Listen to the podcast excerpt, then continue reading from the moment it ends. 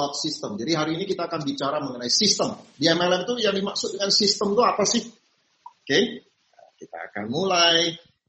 Nah, saya akan mulai dengan pertanyaan ini. Bagaimana caranya milih MLM? Sebenarnya kenyataannya ya itu di bawah 20% sih orang yang betul-betul milih MLM. orang yang klik MLM lalu nyari-nyari MLM itu di bawah 20% nggak banyak. Salah satunya saya. saya kalau Anda tahu pengalaman saya tahun 2002 itu saya nyari MLM. Jadi saya saya malah datengin pros, uh, apa upline saya, sponsor saya, saya join nyari beliau ya. Nah itu nggak banyak sih orang-orang yang uh, memutuskan untuk nyari sendiri MLM itu nggak banyak, di bawah 20 persen. Nah sisanya yang lain MLM yang memilih Anda, betul nggak? Ya Anda ditawarkan MLM oleh teman Anda, lalu mungkin sungkan atau barangkali Anda melihat, eh kayaknya ini ada bisnis yang bagus, Anda join, coba-coba, atau mungkin uh, oke, okay, ini siapa tahu ini bisa jadi satu solusi Anda join. Jadi biasanya MLM yang memilih Anda ya. Tapi kenapa saya ajukan pertanyaan ini? Ada hubungannya dengan yang saya mau jelaskan ini mengenai support system. Nah, bagaimana caranya memilih MLM? Saya mau jelaskan dari kacamata penulis buku yang kita orang-orang MLM sering lah ya sebut-sebut Robert Kiyosaki. Dalam bukunya Robert Kiyosaki mengajarkan ya dia kasih tips gimana cara memilih MLM yang baik, ya, cara memilih MLM yang tepat. Ya, nah uh, biasanya orang kalau milih MLM ya, pemula yang nggak nggak paham, nggak belum punya pengalaman MLM, mereka mau cari MLM itu biasanya dilihat apa sih? Marketing plan, duitnya ada nggak? Oh ini duitnya bagus nih, bisa dapat passive income cepet nih, income-nya besar. Marketing plan itu yang menarik. Terus yang kedua adalah produk. Paling dua hal itu aja. Produknya menarik atau duitnya menarik. Oke? Okay?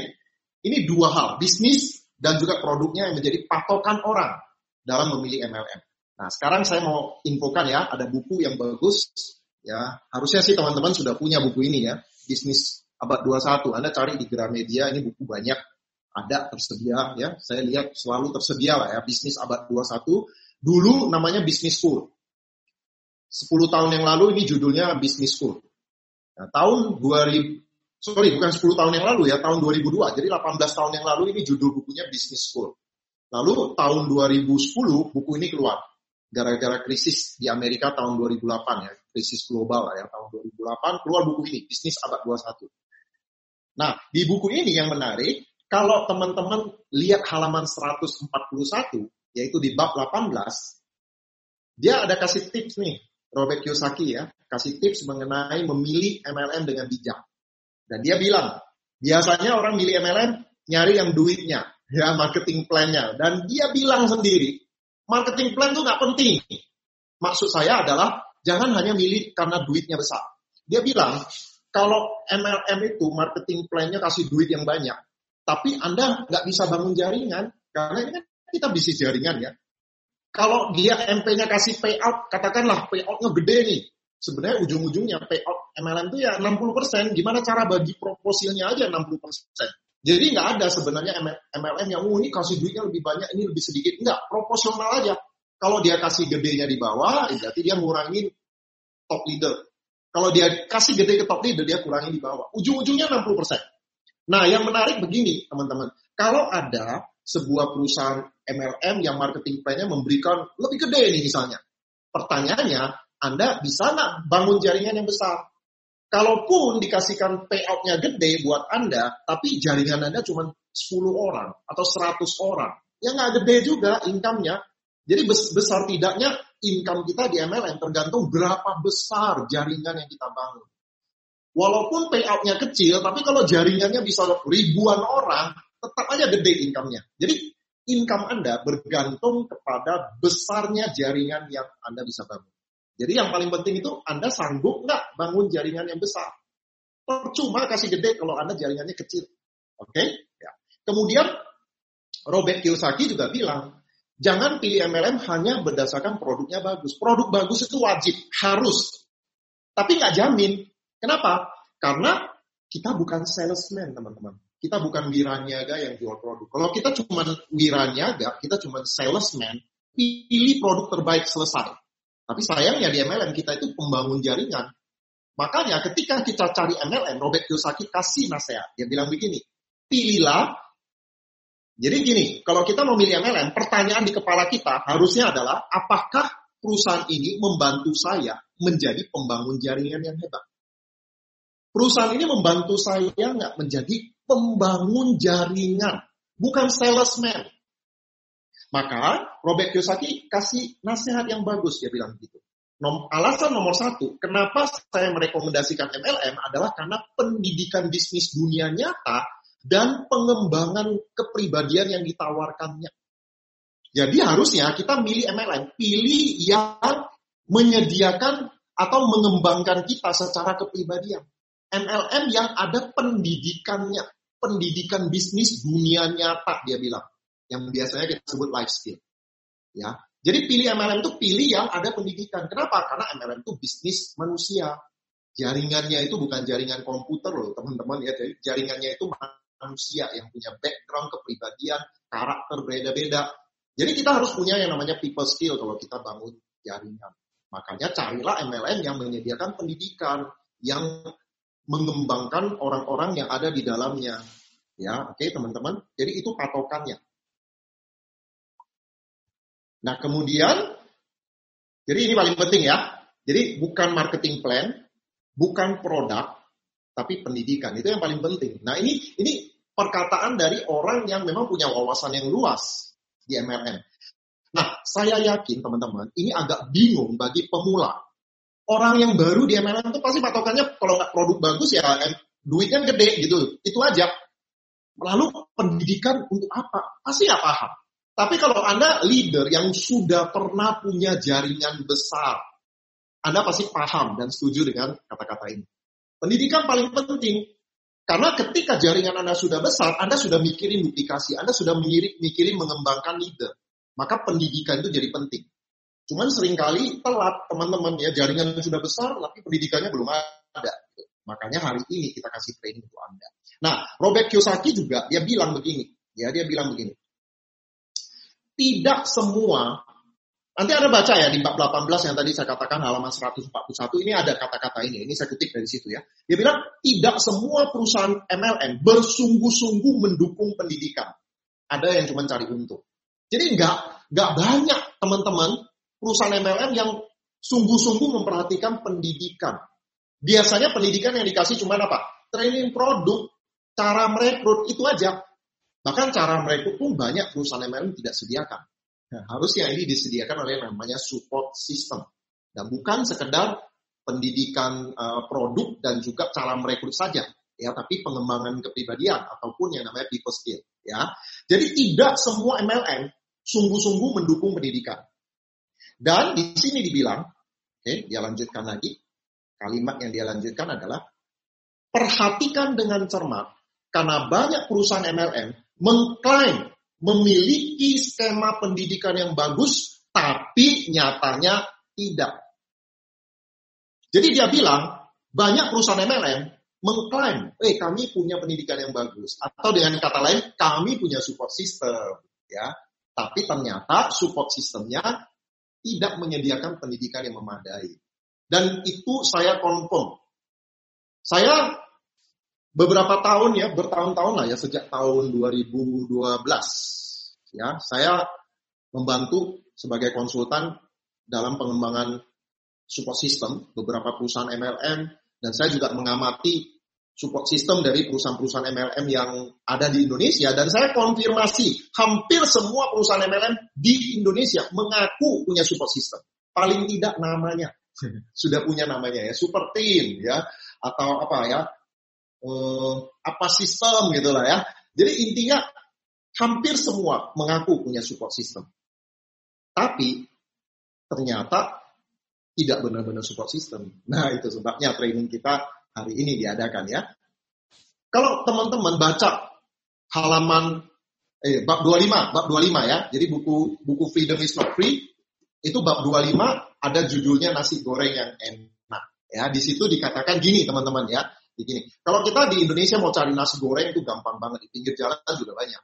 Ya, nasi goreng ada dijual di mana-mana, apalagi di hotel. Saya rasa di Indonesia nggak ada hotel yang nggak menyediakan nasi goreng, pasti ada. Ya, gampang mau cari nasi goreng, tapi mencari nasi goreng yang enak, yang benar-benar enak, yang kalau anda makan bikin anda ketagihan itu gak gampang.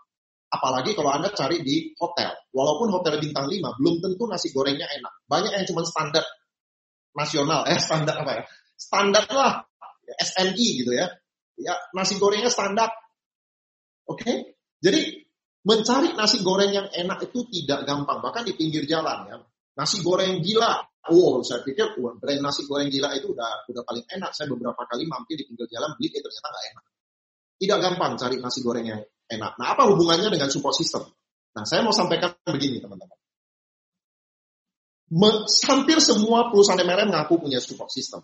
Tapi mencari perusahaan MLM yang support sistemnya benar-benar memadai, benar-benar bagus, benar-benar itu yang dibutuhkan, itu nggak gampang. Sama seperti cari nasi goreng yang enak.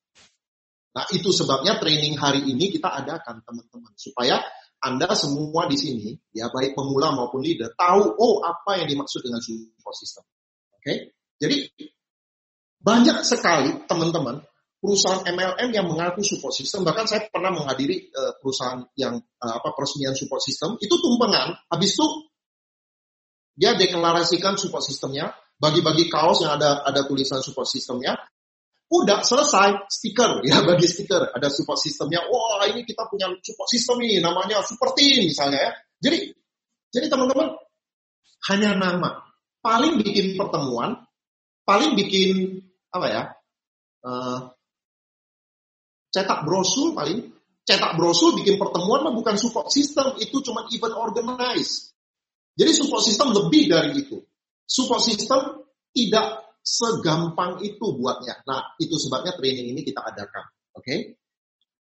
nah Robert Kiyosaki dalam halaman 70 sampai 71 dia bilang begini ya dia bilang begini ada yang namanya keterampilan kehidupan ini namanya life skill Ya, keterampilan kehidupan tidak diajarkan di sekolah-sekolah, tapi ini ketika kita terjun di kehidupan nyata, kita butuh ya namanya keterampilan kehidupan.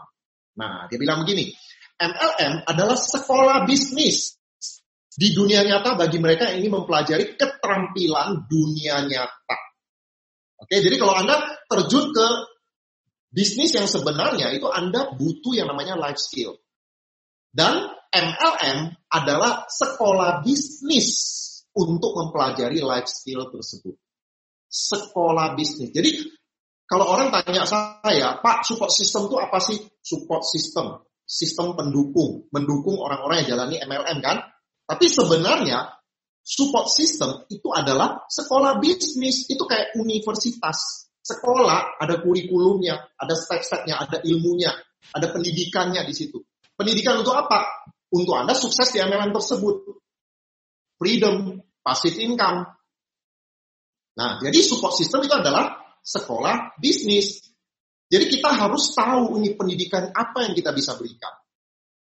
Jadi kayak misalnya orang-orang yang punya uh, kemampuan jadi konseptor, kayak semacam seorang rektor pendidikan, nah itu cocok sekali bikin support system. Tapi tentu saja dia harus punya pengalaman dan ilmu yang dibutuhkan pengalaman itu yang penting. Karena kalau kita ngajari sesuatu tidak berdasarkan pengalaman hanya teori saja, gersang teman-teman. Tapi kalau kita ngajarin sesuatu, memang betul dari pengalaman, orang itu akan relate, terhubung. Orang yang merasa, oh iya ya, benar ya, benar. Apa yang disebutkan, diajarkan itu benar. Nah, jadi pengalaman bukan hanya pengalaman saja, tapi juga pengetahuan dan yang bisa disampaikan secara sistematis. Jadi otak rektor lah ya bikin pendidikan ya. Jadi support system itu sekolah bisnis. Nah, Pak, saya kan nggak bakat jadi guru. Bisa nggak sih punya support system? Bisa. Kita hari ini akan ajarkan dari yang paling sederhana. Tentu saja saya nggak bisa ajarkan Anda langsung bikin support system yang sempurna. Nggak bisa. Nggak bisa seperti itu. Step demi step. Apa yang paling penting? Ya, apa yang paling penting yang bisa Anda lakukan untuk bisnis Anda saat ini? Oke? Okay? Jadi bagi Anda yang belum punya support system atau yang sudah punya, Anda cek di sini, oh yang sudah memadai, ya udah Anda tinggal jalankan. Ya, kalaupun support sistemnya sudah ada, tapi ada ilmu-ilmu atau pengetahuan yang perlu Anda kuasai di sini, terutama sikap, supaya Anda sukses dengan support sistem Anda. Oke? Okay? Kita mulai. Nah, inilah yang namanya keterampilan bisnis dunia nyata. Ya, yang namanya life skill itu apa? Ini kepemimpinan, ketangguhan mental, penampilan sukses, sikap positif, pantang menyerah, percaya diri, berani gagal, menjalin hubungan, goal setting, seni berkomunikasi, mengatasi hambatan, time management, keterampilan menjual, membuang mental block, berani ditolak, etos kerja. Nah, ini yang namanya keterampilan bisnis dunia nyata. Orang yang lulus perguruan tinggi, dapat gelar hebat, itu isinya kebanyakan teori.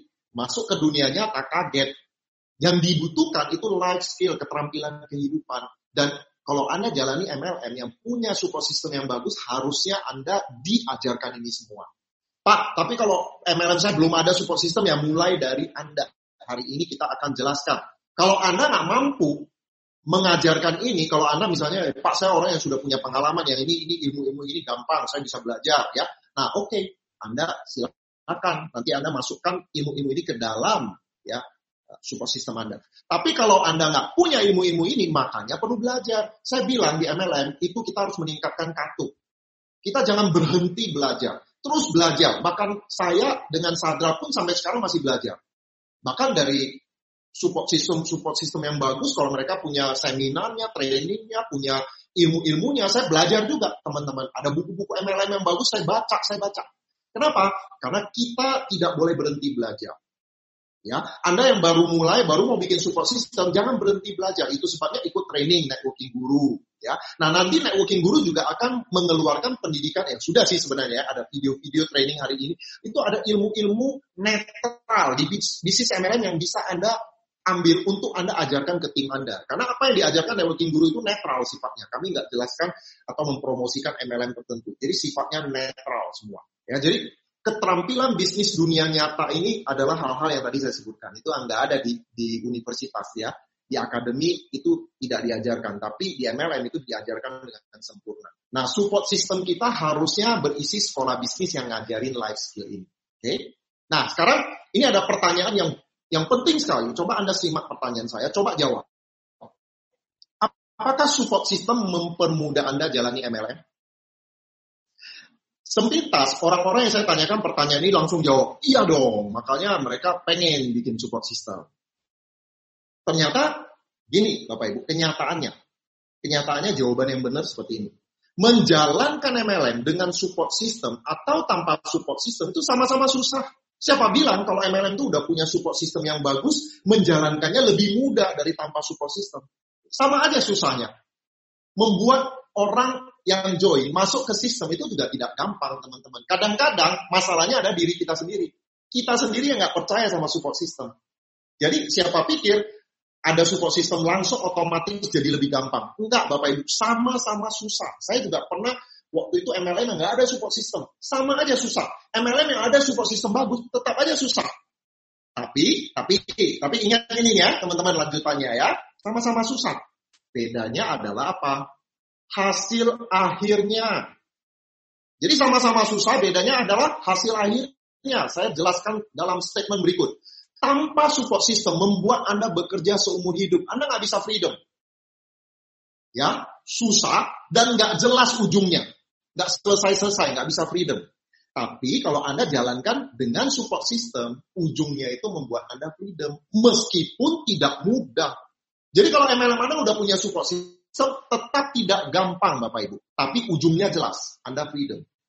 Nah, itu sebabnya orang-orang yang ikut training ini, karena mereka punya pengalaman nih teman-teman. Saya udah jungkir balik setengah mati, udah bertahun-tahun nggak freedom-freedom. Kenapa? Karena tidak ada support system yang tepat. Jadi, teman-teman, jalani MLM dengan support system atau tanpa support system sama-sama susah ya. Bedanya hasil akhirnya. Kalau Anda punya support system yang bagus, Anda bertekun, anda tabah, Anda percaya, Anda konsisten jalankan sistem tersebut, ujungnya freedom.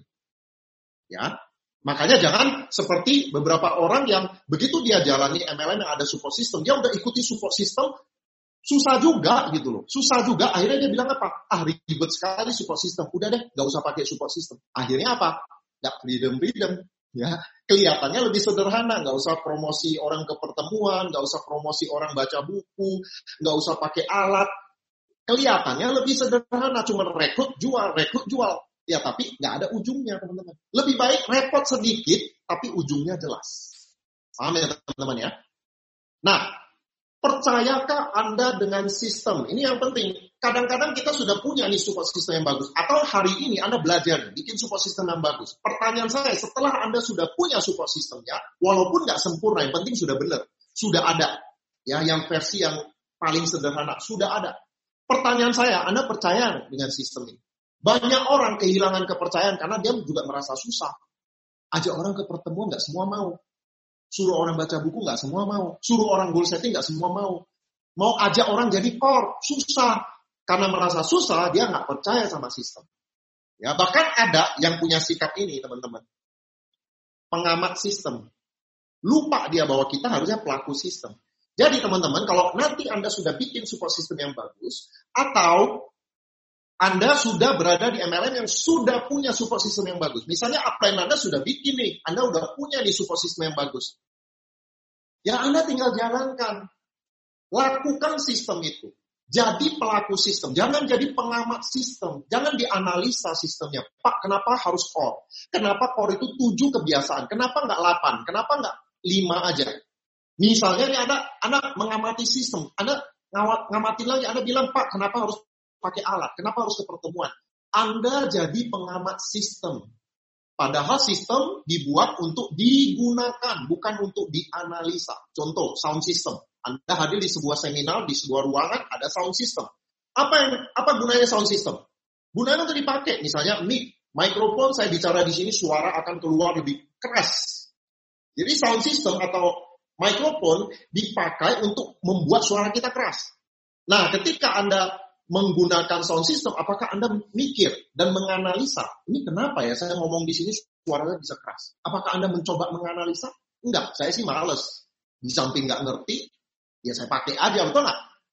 Kita nggak nanya-nanya itu, kita nggak analisa kenapa sound system bekerja. Tapi kita pakai, kita gunakan. Udah, yang penting pakai aja. Bodoh amat dia mau sistem caranya seperti apa.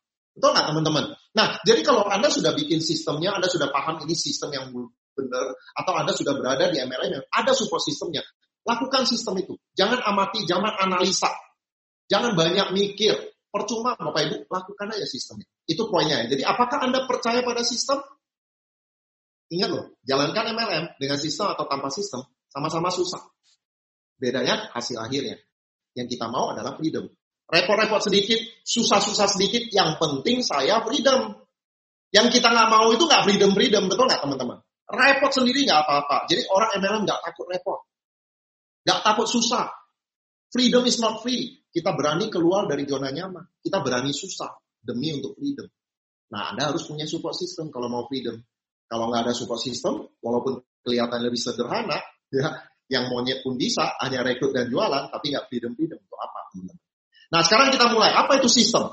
Sistem kalau kita lihat definisi itu adalah sejumlah elemen yang digabung menjadi satu untuk mencapai satu tujuan. Udah masa bodoh ini ya, skip. Nah sekarang support system elemennya apa? Elemen dalam support system nomor satu ada yang namanya tiga prinsip: edifikasi, konsultasi, dan no cross lining. Ya, tiga prinsip ini Anda sudah akrab. Kalau Anda pemula, ada pemula yang apa sih Pak edifikasi, konsultasi, dan cross lining, Anda tunggu training kita berikutnya. Yang paling penting, Anda sudah ada, Anda tahu itu ada tiga prinsip abadi di buku ini sudah ada juga ya. Di bab berapa itu ya? Nah, di bab 16, bab 16 dari buku ini sudah dijelaskan mengenai edifikasi, konsultasi, no cross lining, tiga prinsip abadi secara lengkap. Oke? Okay? Kemudian yang kedua, parameter bisnis Oke, okay? itu adalah elemen dalam sistem. Yang ketiga, alat. Alat penunjang bisnis, misalnya buku, audio, video, pertemuan. Oke, okay? jadi inilah elemen dalam support system. Hari ini kita akan bahas tiga hal ini. Oke, okay? nah berikutnya perlu anda ketahui yang namanya support system itu ada support system fisik, ada support system non fisik. Nah, support system yang fisik itu terdiri dari pertemuan yang bisa Anda lihat ya. Oh, ini hadirinya, acaranya seperti apa, trainingnya seperti apa, itu pertemuan. Audio, video, buku, flip chart, ya, flip chart presentasi, oke? Okay? Brosur, parameter bisnis, angka-angkanya itu semua adalah support system secara fisik. Tapi ada support system yang non fisik. Ini tak kalah pentingnya, bahkan menurut saya lebih penting. Kalau yang fisik ini bisa dicuri, Anda bikin support system yang bagus, ada audio videonya, ada pertemuan yang keren, ada buku yang keren, ada flipchart. Orang bisa jiplak, orang bisa beli, orang bisa ambil, Anda bisa dijiplak, di copy. Tapi yang non fisik nggak bisa. Yang non fisik itu apa? Ini adalah leadership kepemimpinan Anda. Jadi support system itu leadership. Dan leadership itu adalah tiga prinsip abadi. Edifikasi, konsultasi, no cross-lining. Ini adalah leadership. Artinya gini teman-teman, kalau leadership Anda tidak ada, sulit ini menjalankan edifikasi, konsultasi, dan no cross-lining. Nah, tiga prinsip abadi ini bisa diterapkan di tim Anda kalau Anda punya leadership. Maka leadership itu penting banget. MLM sering disebut bisnis kepemimpinan. Nah, Anda sudah tahu kan? Support system itu non fisiknya adalah leadership yang tak kalah penting, bahkan lebih penting lagi. Disebut sebagai apa? Roh dari sistem. Roh dari sistem adalah leadership. Itu adalah tiga prinsip abadi. Edifikasi, konsultasi, no cross lining. Jadi kalau tidak ada leadership ini, support system Anda nggak jalan. Jadi support system itu bukan demokrasi ya, tapi top down leadership bukan dari down top down up bukan ya maksudnya bukan demokrasi uh, support system itu leadership dari top ke bawah, dari atas ke bawah. Jadi Anda sebagai leader bikin support system, lalu downline-downline Anda mengikuti dengan sukarela, tanpa paksaan. Itu namanya leadership, top down. Bukan demokrasi. Jadi kalau bikin support system pakai demokrasi nggak jalan pasti. Misalnya nih, bikin presentasi standar. Lalu setelah setelah Anda sebagai top leader bikin uh, presentasi standar, lalu Anda uh, minta masukan dari downline. Ini gimana menurutmu? Yang di sini nanti bilang, oh kepanjangan Pak, yang di sini bilang kependekan, yang di sini bilang wah kurang testimoni, yang di sini wah akhirnya semua kasih masukan Anda bingung sendiri. Anda nggak bisa menyenangkan satu pihak, betul nggak? Ujung-ujungnya Anda harus ambil keputusan. Anda yang buat, lalu mereka mengikuti. Itu namanya leadership. Jadi support system itu digerakkan dengan leadership. Tanpa leadership, nggak bisa ada support system. Paham ya? Nah sekarang kita akan bahas topik penting mengenai leadership di support system yang menjadi roh, yaitu apa? Tiga prinsip abadi. Sesi berikutnya, Sadrah akan bawakan ini. Oke, Bro Sadrah, silakan. Oke, kita bicara soal tiga prinsip. Pak Suprato tadi udah bilang bahwa tiga prinsip itu adalah jiwanya support system. Oke, ini adalah support system non fisik. Oke, jadi gini teman-teman, kita kan pernah dengar atau pernah nonton film-film zombie lah ya. Ini hanya gambaran buat teman-teman sekalian. Beda zombie sama manusia adalah ya ya zombie kelihatannya hidup, ya kan dia kan jalan kan, oh, gitu ya. Tapi yang membedakan dia dengan manusia adalah dia itu nggak punya rohnya, dia itu udah nggak punya jiwa, udah hilang jiwanya. Zombie itu nggak punya perasaan, nggak bisa feel segala sesuatu. Nah, jadi kalau misalkan kita jalankan bisnis MLM, punya support system, punya alat bantu, tapi kalau tidak punya tiga prinsip tersebut nggak diterapkan, ya udah bisnis kita itu seperti zombie, jiwanya itu hilang. Nah makanya untuk bisa buat tim Anda itu bisa berkembang bagus, jiwanya itu harus ada. Tiga prinsip adalah ini, leadership, kepemimpinan, teman-teman. Nah, Nanti Anda bisa baca ya di buku Freedom bab ke-16. Anda baca di sana lihat lebih jelas lagi ya tentang uh, tiga prinsip tersebut. Karena saya hari ini nggak bicara soal apa sih itu edifikasi, apa itu apa itu konsultasi, mengapa konsultasi penting, apa sih itu yang namanya no cross lining ya. Yang basic-basic itu nggak saya bahas hari ini. Jadi kalau misalkan kita bicara soal tingkatan uh, penjelasan pemahaman tentang tiga prinsip. Hari ini saya bicara yang tengah-tengahnya. Oke, okay? saya bicara yang tengah-tengahnya. Bagaimana tiga prinsip ini membantu Anda punya bisnis yang stabil. Itu dia, ya. Nah, nanti kita akan adakan, kita lagi set waktu ya, mungkin minggu depan atau dua minggu dari sekarang, kita akan bikin free seminar, satu jam khusus membahas tentang tiga prinsip ini secara detail. Ya, jadi nanti teman-teman sekalian bisa daftar lah ya, uh, secara gratis itu tentunya. Oke, tiga prinsip ya. Edifikasi, konsultasi, dan no cross lining. Kita bicara dulu soal ini, teman-teman. Edifikasi. Edifikasi. Oke. Edifikasi itu prinsip dasarnya, ya teman-teman, adalah bicara hal yang positif. Nah, Anda garis bawahi positifnya. Oke? Okay? Fokus kepada hal positif.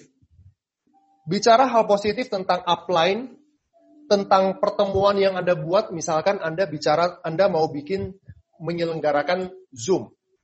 Oke? Okay? Nah, Anda bicara hal positif itu kepada tim Anda. Promosi ke mereka betapa pentingnya acara tersebut. Edifikasi hal positif tentang perusahaan Anda tentang upline Anda. Bahkan Anda juga kalau bicara tentang crossline, Anda edifikasi juga tentang crossline hal yang positif. Jadi intinya edifikasi itu kita bicara tentang hal positif. Nah, sayangnya gini teman-teman.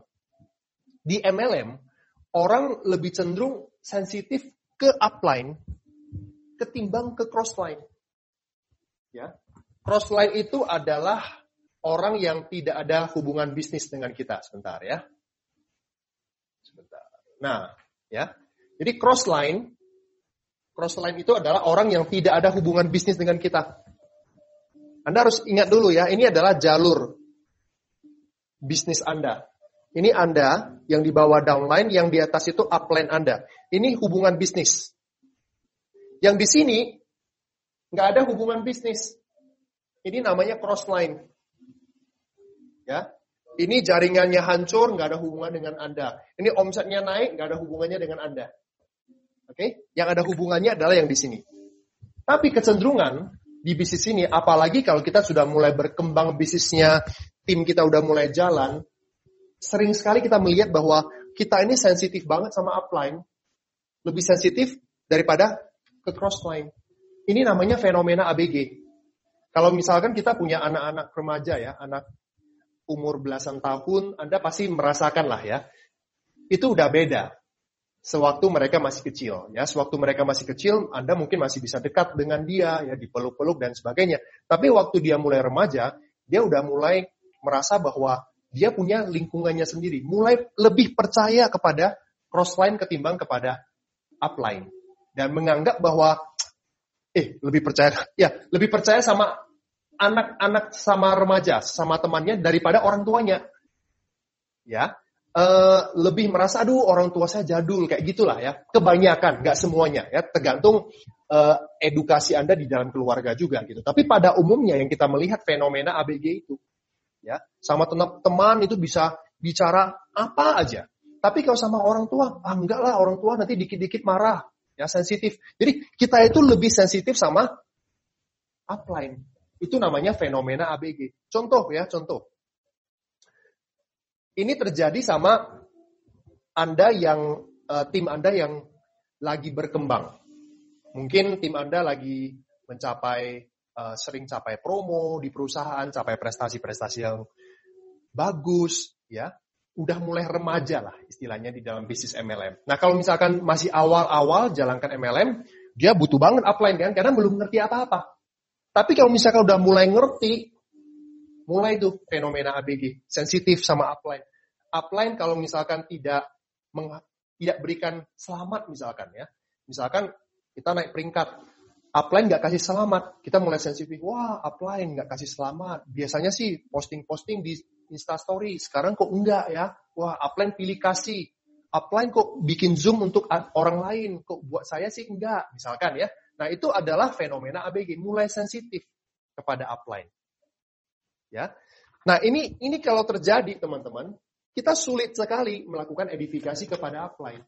Kita sudah mulai tidak positif. Hati-hati, teman-teman.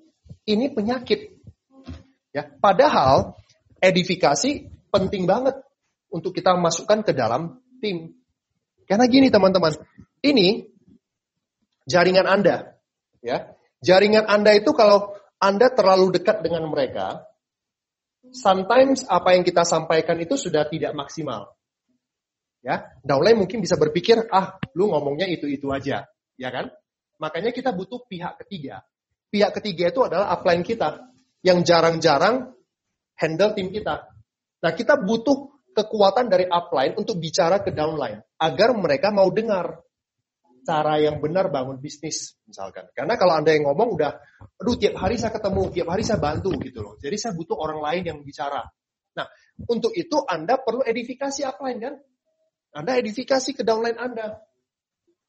Bahwa nanti kita akan adakan Zoom yang bicara adalah upline saya, upline saya ini selama ini membantu saya, bla bla bla. Nah, Anda edifikasi bicara hal yang positif nah upline Anda, sehingga nanti sewaktu mengadakan Zoom pertemuan online, downline Anda mau mendengarkan upline Anda. Nah, bayangkan kalau misalkan Anda sendiri sudah nggak positif sama upline, dikit-dikit sensitif, ya, dikit-dikit baper, apa yang terjadi? Oke, okay? nah Anda nggak bisa lakukan edifikasi sehingga ini semuanya harus Anda yang lakukan sendiri. Sulit teman-teman. Kita butuh teamwork. Ada istilah prinsip 101, 101. Prinsip 101 artinya kita menggunakan energi kita 100% fokus ke satu hal yang positif. Nah, kita harus belajar hal itu, teman-teman. Ya. Ini, ini penting. Edifikasi. Makanya belajarlah untuk melihat segala sesuatu secara positif. Upline Anda sudah bantu Anda selama ini. Kira-kira ginilah teman-teman. Kenapa sih Anda tidak positif sama upline Anda? Kenapa sih kita harus curiga sama upline kita sendiri? Apa untungnya buat upline kalau misalkan dia menganaktirikan kita? Ada untungnya nggak? Nggak ada. Itu dia. Justru kita harus bersyukur, wah selama ini upline Anda sudah jarang bantu saya nih. Saya yang bikin Zoom sendiri, upline sudah sih udah enggak. Dulu sih iya, sekarang sih enggak. Nah, justru kita harus melihat ini dalam segi dan kacamata positif bahwa upline saya itu udah percaya banget sama saya. Upline saya mau melihat saya mandiri. Makanya saya sekarang dibiarkan untuk bisa bikin Zoom sendiri. Itu positifnya. Upline Anda percaya sama Anda. Ya. Nah, sikap ini teman-teman yang harus kita miliki sewaktu kita jalankan bisnis ini. Karena teman-teman tiga prinsip ya yang kita bahas ini, edifikasi, nanti konsultasi, dan no cross lining, itu adalah perekat. Oke, okay? perekat. Yang membuat jaringan ini kuat. Kalau kita ibaratkan lagi bangun bangunan, nanti mungkin juga Pak Suprato akan bahas itu. Kita bangun bangunan ya dengan batu bata. Nah, edifikasi, konsultasi dan no cross lining itu adalah semennya. Yang membuat batu bata satu dengan yang lain itu lengket, menjadi kuat. Oke, itulah tiga prinsip. Makanya teman-teman kalau kita bangun bisnis ini, kalau misalkan bawaannya baper-baper terus sama upline sehingga kita malas melakukan edifikasi, yang rugi siapa? Diri kita sendiri. Akhirnya ya kita harus strong kan, harus say, harus strong sendiri, kuat sendiri. Padahal kita kadang butuh bantuan upline untuk bicara ke downline Anda. Gitu dia. Nah ini tidak akan terjadi kalau misalkan kita ini terlalu sensitif sama upline.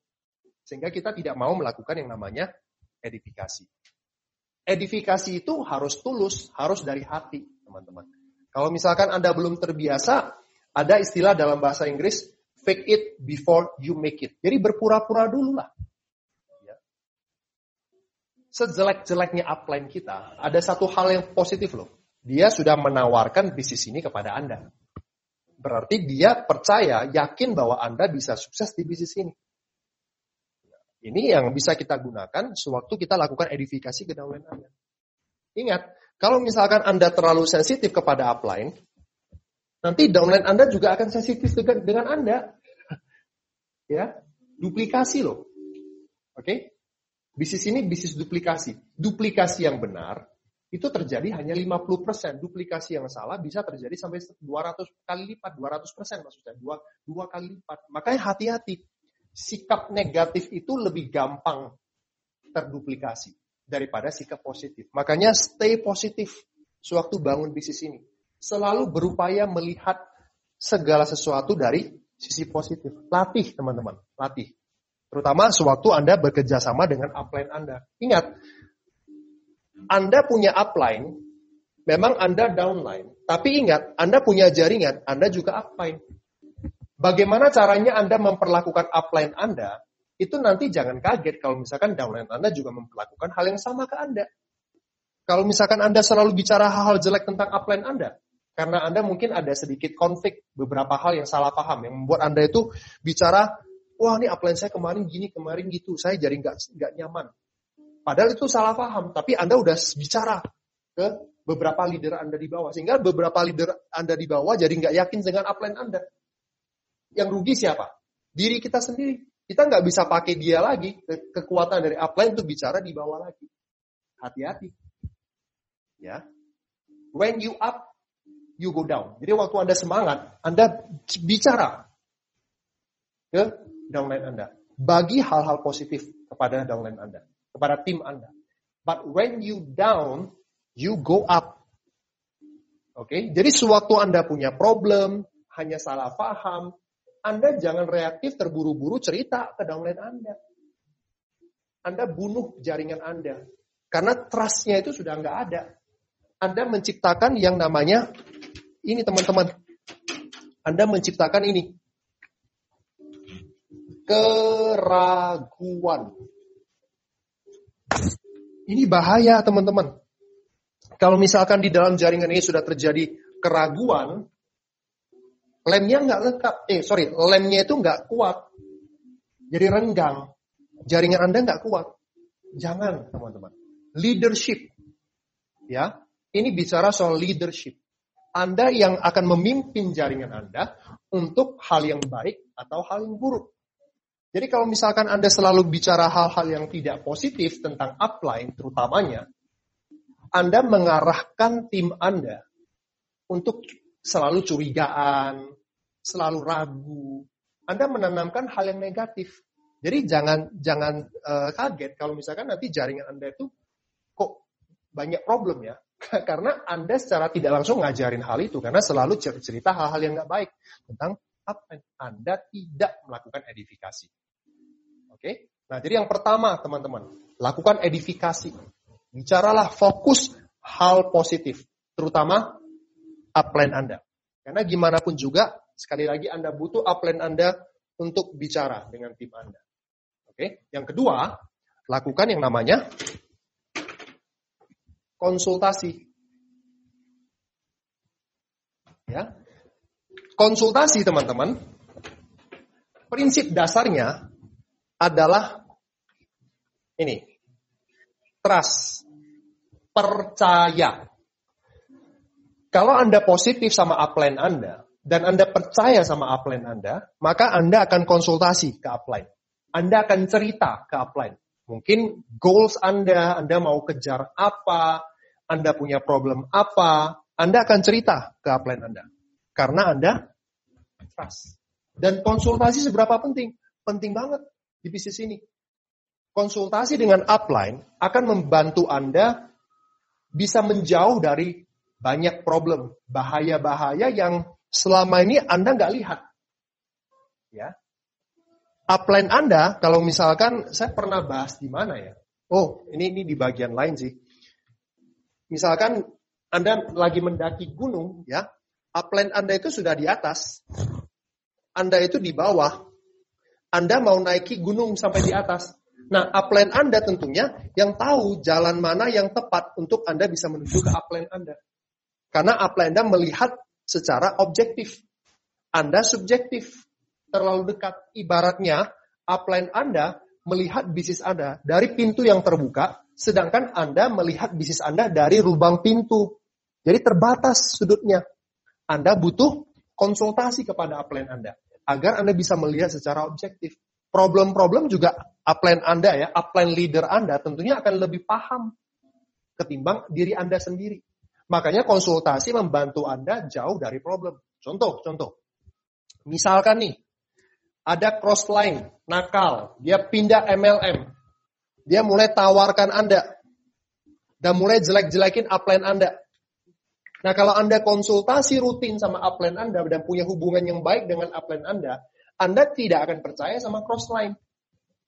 Dan Anda akan jauh dari problem. Anda akan cross check. Eh, kemarin cross line si X itu samperin saya dan cerita hal-hal yang jelek tentang perusahaan kita. Cerita tentang Bapak juga loh. Saya sih nggak percaya.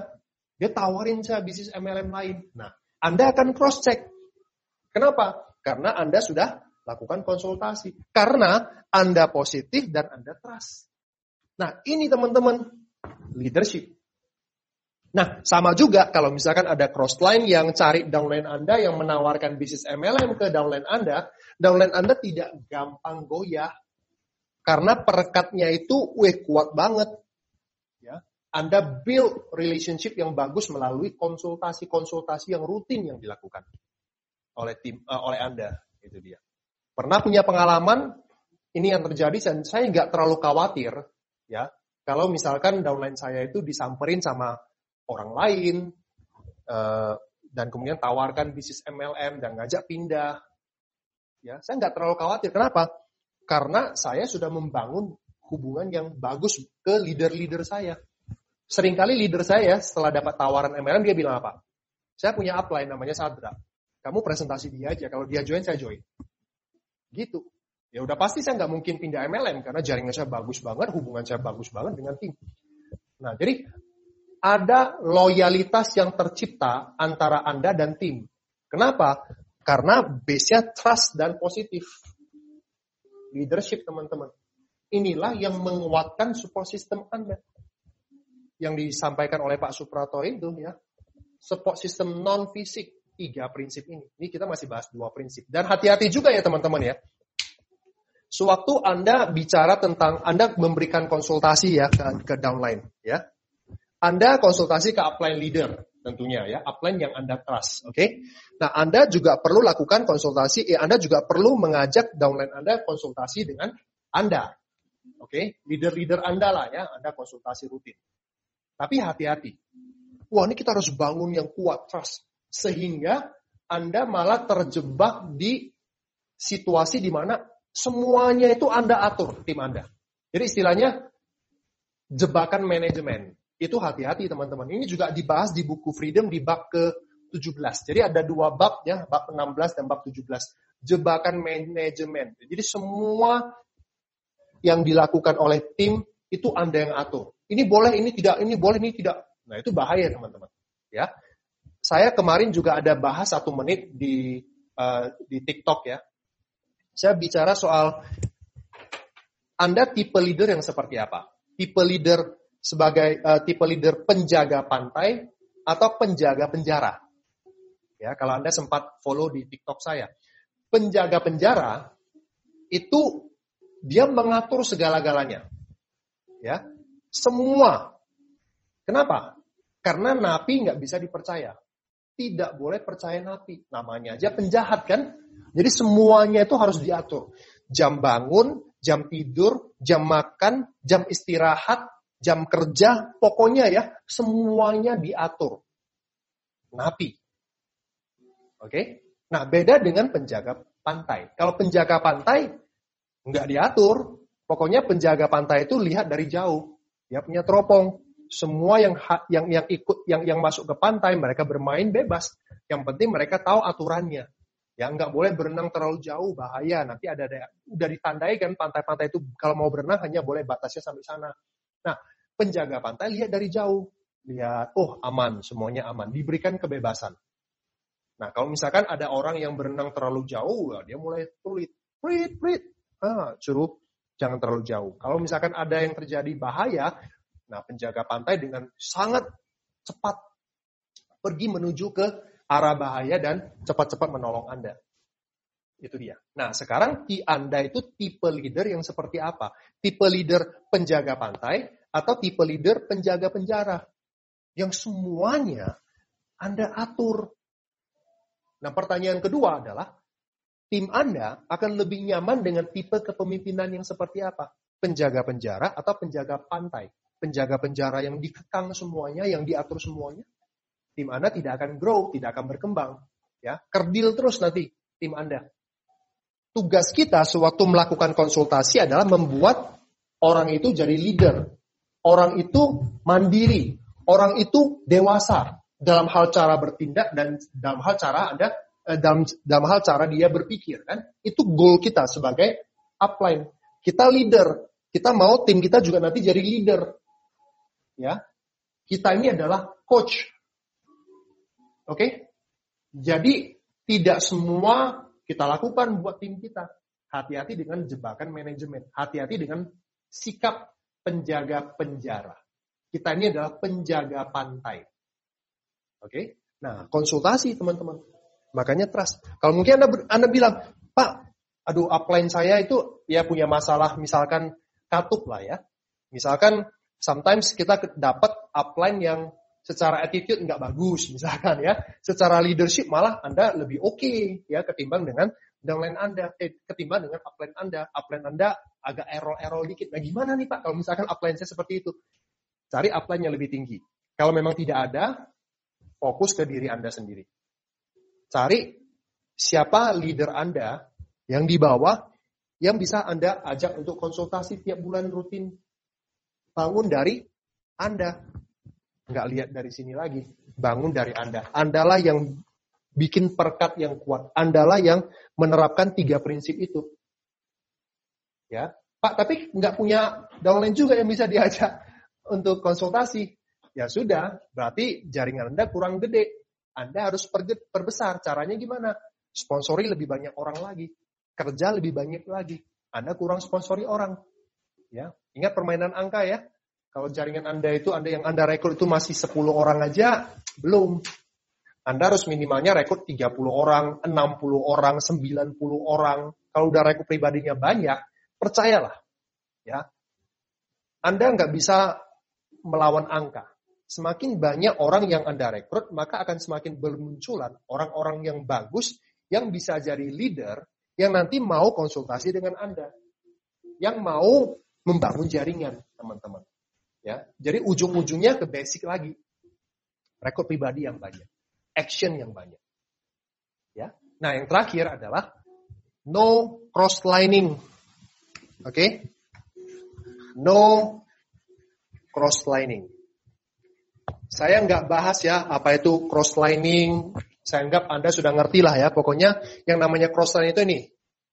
Ya, ini A, ini B, ini C, ini D. B dan C. B ini Anda ya. Anda dan C adalah cross. Ini ada topik tersendiri.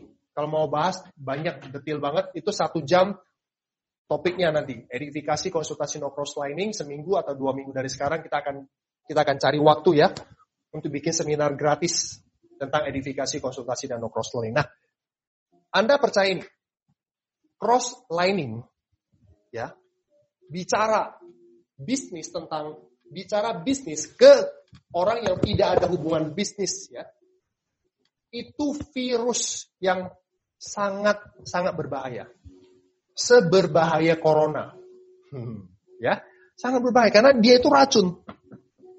Kalau misalkan Anda sudah lebih percaya ke crossline daripada ke upline, itu crosslining. Ya, fenomena ABG, ingat. Ya, kalau Anda sudah percaya ke crossline. Hati-hati teman-teman sekalian. Bukan berarti Anda dan crossline itu nggak boleh bicara, nggak boleh berteman. Boleh. Kita tetap berteman dengan crossline, tapi ya hanya sebatas teman titik. Ya, tidak tidak sengaja, yuk lagi bosen nih, yuk kita makan bareng. Enggak, sesama crossline tidak makan bareng. Kecuali upline Anda dan C pergi makan. Nah itu beda, ya karena kan ada upline kan. Tapi B dan C pergi makan itu itu nggak ada kepentingan. Kenapa? Karena mungkin ya, mungkin gini. Anda udah kuat banget secara leadership juga Anda kuat banget. Udahlah ini saling support Gak akan terjadi yang namanya pembicaraan-pembicaraan negatif yang bisa mengarah kehancuran. Ya, mungkin Anda bagus seperti itu. Tapi ingat, kalau misalkan downline Anda melihat Anda dan down, Anda dan crossline pergi makan bareng, emang downline Anda tahu Anda lagi bicara apa? Lihat dari jauh. Enggak tahu. Tapi dengan secara tidak sengaja Anda memberikan contoh kepada downline Anda bahwa eh ngobrol sama crossline itu nggak apa-apa. Oke, okay? hati-hati teman-teman sekalian. Ya, jangan kasih image ke downline Anda bahwa crossline itu nggak apa-apa. Misalkan di pertemuan ya, kalau misalkan ini wabah udah nggak ada, Anda bikin acara, Anda dan crossline bicara di luar ruang meeting yang lagi bikin seminar, lagi berjalan acaranya, Anda ngerokok di luar sana dan ngobrol cross line lagi. Padahal yang ada ngobrol apa? Ih, kemarin kalah si siapa? Misalkan Anda lagi bicara soal pertandingan tuh. Nggak bicara bisnis sama sekali. Tapi Anda sudah kasih image kepada downline bahwa oh cross lining itu aman, cross lining itu tidak bahaya. Ya, karena orang orang baru ya tim Anda kan nggak ngerti. Ya, dan cross lining itu yang bahayanya apa? Percakapan-percakapan yang biasa itu bisa pelan-pelan menjerumus ke bicara bisnis dan malah menjatuhkan. Nah nanti ya, nanti di topik edifikasi konsultasi no crosslining kita akan bahas lebih dalam lagi. Karena kalau bicara soal crosslining itu ya, itu bisa panjang banget dan tutup tutup jauh banget gitu loh. Karena kita udah punya pengalaman, kita udah melihat bagaimana orang uh, hancur gara-gara melakukan crosslining, hal yang sepele banget. Tapi itu membuat hancur. Nah, jadi teman-teman lakukan yang namanya edifikasi, lakukan yang namanya konsultasi dan no cross lining, nggak bicara bisnis, ya ke orang yang tidak ada hubungannya dengan bisnis Anda. Dan ini semuanya basicnya adalah sikap positif dan rasa percaya. Kalau ini dua ada, keraguan hilang. Kalau keraguan hilang, ini kuat banget. Garis sponsorisasi Anda, ini kuat banget. Tapi kalau ini tidak ada, keraguan ada, hancur. Anda gampang cross-lining, Anda tidak lakukan edifikasi lagi, udah bicara hal-hal negatif ke downline, udah tidak ada sensor. Pokoknya apa pun diomongin. Downline Anda bagaimana? Tidak feel safe. Sedangkan seorang pemimpin itu harus memberikan ketenangan ke pengikut kan? Benar ya? Karena mereka itu adalah calon pemimpin. Nah, bagaimana Anda kalau misalkan hanya menyebar hal-hal yang negatif, hal-hal yang meresahkan downline Anda bahwa ternyata di bisnis jaringan itu banyak problem ya. Apa yang terjadi? Mereka nggak bisa all out. Anda tahu nggak teman-teman? Saat ini pengalaman juga ya. Sebagai upline, ya bisnis kan pasti naik turun ya. Sewaktu turun, di hadapan downline kita nggak bisa terlihat lemah. Ya, saya bangun bisnis MLM naik turun naik turun, tapi waktu turun downline saya nggak pernah melihat saya itu lagi nggak down, eh, saya lagi saya lagi down, nggak pernah. Karena tetap di depan downline kita harus terlihat kuat. Memang nggak gampang jadi leader, ya. Tapi itulah jiwa pemimpin yang harus kita latih, bukan di MLM aja. Ya, misalkan ya, misalkan Pak Presiden kita bicara, dan bicaranya itu penuh keresahan, takut. Bagaimana kita sebagai rakyat? Wah, nggak bisa kan? Kita akan akan down karena melihat pemimpin kita aja udah nggak optimis, ya nggak? Kita sama-sama menghadapi masalah, tapi yang membuat kita percaya diri kenapa? Karena pemimpin kita percaya diri walaupun lagi punya masalah. Padahal di luar itu mungkin dia renyum hatinya, down juga, punya konsultan juga, tapi di hadapan jaringan, eh di hadapan rakyat dia tidak tunjukkan itu. Sama, sewaktu kita memimpin jaringan, ini, leadership harus diterapkan. Ini saya bicara kalau Anda udah punya jaringan. Tiga prinsip ini harus diterapkan teman-teman sekalian. Ajarkan ini ke tim Anda. Bagi tim Anda yang sudah Anda lihat benih-benih mau membangun jaringan, dia tuh cara pikirnya oke, arahnya ke bisnis, Anda sudah mulai bisa ajarkan ke mereka tentang tiga prinsip ini. Jadikan ini sebagai pengetahuan dasar. Kenapa sih kamu perlu melakukan edifikasi? Kenapa sih saya ajak kamu untuk lakukan konsultasi setiap bulan? Tujuannya apa? Eh, jangan cross lining. Kenapa? Karena cross lining bahaya dan sebagainya. Nah, bahannya dari mana? Dari buku ini. Kita udah punya bukunya. Ya, Anda minta mereka baca misalkan, ya. Paling gampang itu ya, ya udah kamu beli buku ini kamu baca. Oke? Dan Anda kasih tahu, diskusi sama-sama. Tujuannya apa? Dari awal Anda harus bikin ini tim solid. Bikin tim ini kuat dari awal. Benih-benih. Jangan sampai nanti udah mulai gede banget, udah nggak karu-karuan. Anda mulai pusing, baru mulai mau ajarin. Ya, leadershipnya itu udah kurang. Nah, belajar teman-teman. Kepemimpinan itu bisa diajari, bisa dipelajari. Dan tempat yang paling tepat untuk belajar kepemimpinan adalah MLM. Ya, jadi ini adalah perekatnya. Tiga prinsip ini adalah perekat yang harus teman-teman sekalian miliki. Baru nanti jaringan Anda kuat. Jaringan Anda itu tidak mudah kemakan isu, hoax yang nggak benar tentang perusahaan Anda, tentang upline Anda. Kenapa? Karena Anda membangun hubungan yang baik. Positif, trust, keraguan hilang, edifikasi terapkan, konsultasinya rutin, dan tidak ada yang namanya cross lining. Tetap respect dengan cross line, tetap hargai, ya, good team player, edifikasi cross line. Tapi hanya sebatas itu. Tidak berteman akrab, apalagi jadi pacar ya. Itu bahaya sekali teman-teman sekalian. Oke. Okay? Jadi kita harus tahu batasnya seperti apa. Nah itulah tentang tiga prinsip sukses. Jadi banyak banyak orang nggak tahu bahwa tiga prinsip sukses itu leadership. Ya. Jadi kalau misalnya nih teman-teman ya, misalnya nih, Anda mengeluh bahwa Pak edifikasi, konsultasi, dan no crosslining sudah saya ajarkan ke tim saya, tapi nggak jalan. Mereka nggak mau konsultasi, mereka crosslining, nggak edifikasi. Seandainya ya, Anda sudah ajarkan ke tim Anda, dan mereka nggak jalankan itu, ada dua kemungkinan. Ya. Kemungkinan pertama, leadership kita itu parah. Ya, hmm. ada leadership. Saya lupa bahas itu ya. Oke, nggak apa-apa ya. Kita bahas. Kedua, ini pertama masalah leadership. Kita nggak ada leadership. Parah. Jadi harus diperbaiki leadership kita. Yang kedua, penyebab kedua, kita leadershipnya udah nggak salah, udah oke okay gitu. Walaupun leadership itu harus terus meningkat katupnya ya, jangan berhenti, harus terus meningkat.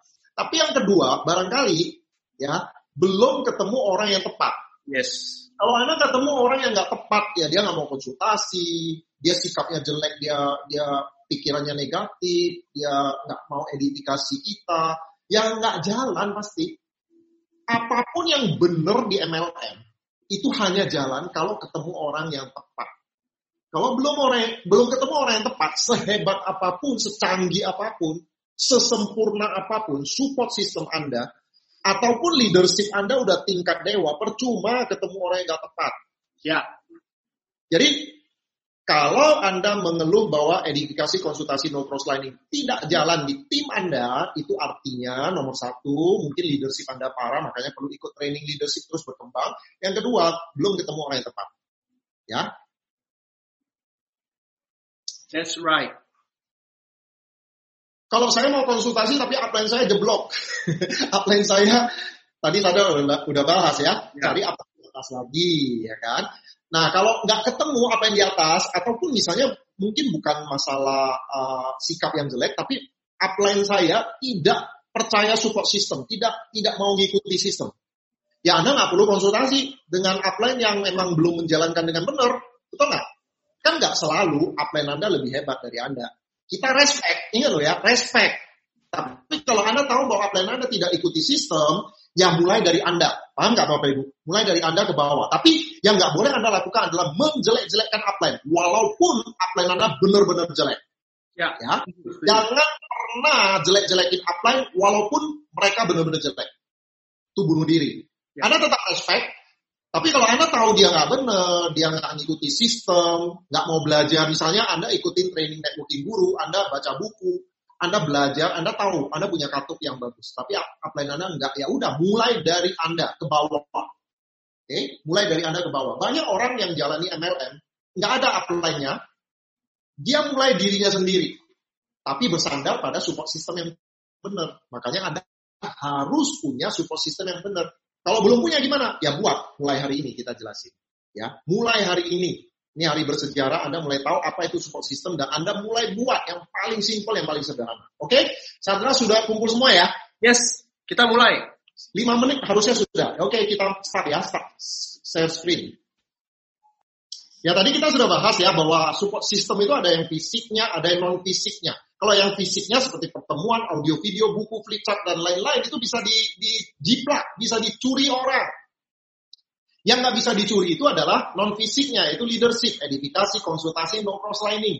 Nah, support system itu baru jalan kalau ada leadership. Jadi kalau Anda nggak punya leadership, percuma Anda bikin support system yang canggih, nggak jalan. Dan ngomong-ngomong, kalau Anda nggak punya leadership, MLM apa pun yang Anda bangun nggak jalan juga ya, karena MLM itu bisnis leadership. So, leadership itu sangat-sangat penting, urgent. Makanya Anda ikut training berikutnya ya, belajar mengenai leadership. Nah, yang non fisik itu leadership tadi Sadra udah bahas ya, edukasi, konsultasi, no cross lining. Ini bagian yang sangat penting ya. Oke, nah sekarang saya akan mulai langsung ke topik mengenai support system dan fungsi support system apa sih? Kestabilan. Nah, saya akan jelaskan dalam analogi batu kali dengan batu bata. Ya. Nah, kalau Anda, teman-teman, menyusun batu kali, kita kan tahu batu kali itu bulat, nggak beraturan kan? Coba bayangkan Anda susun batu kali 10 tumpuk. Oke, Anda susun nih, susun seperti ini, 10 tumpuk. Apa yang terjadi? Anda harus pegangin batu kali itu, betul nggak? Kalau Anda nggak pegangin batu kali ini, Anda lepaskan tangan Anda, batu kalinya pasti jatuh. Kecuali ini ada yang orang yang yang bisa mengatur keseimbangan. Anda pernah lihat nggak batu-batu ditumpuk di kali itu nggak jatuh itu. Nah itu saya nggak bahas itulah ya. Intinya kalau batu kali Anda tumpuk-tumpuk seperti itu, Anda harus pegangin. Kalau Anda nggak pegangin dia jatuh, nggak stabil. Tapi bayangkan kalau misalnya yang Anda tumpuk itu adalah batu bata. Nah batu bata itu punya ukuran yang yang tetap ya, simetris, ukurannya tetap. Nah Anda tumpuk itu stabil dia. Anda lepas tangan pun dia tidak jatuh itu tumpukan batu bata. Jadi kalau Anda mau membangun bisnis yang sehat, bisnis yang stabil, yang kuat, yang memberikan pasif income, maka Anda harus membangun dari batu bata, bukan batu kali. Nah, sekarang apa yang menggam, apa yang digambarkan oleh batu kali dan batu bata? Ini.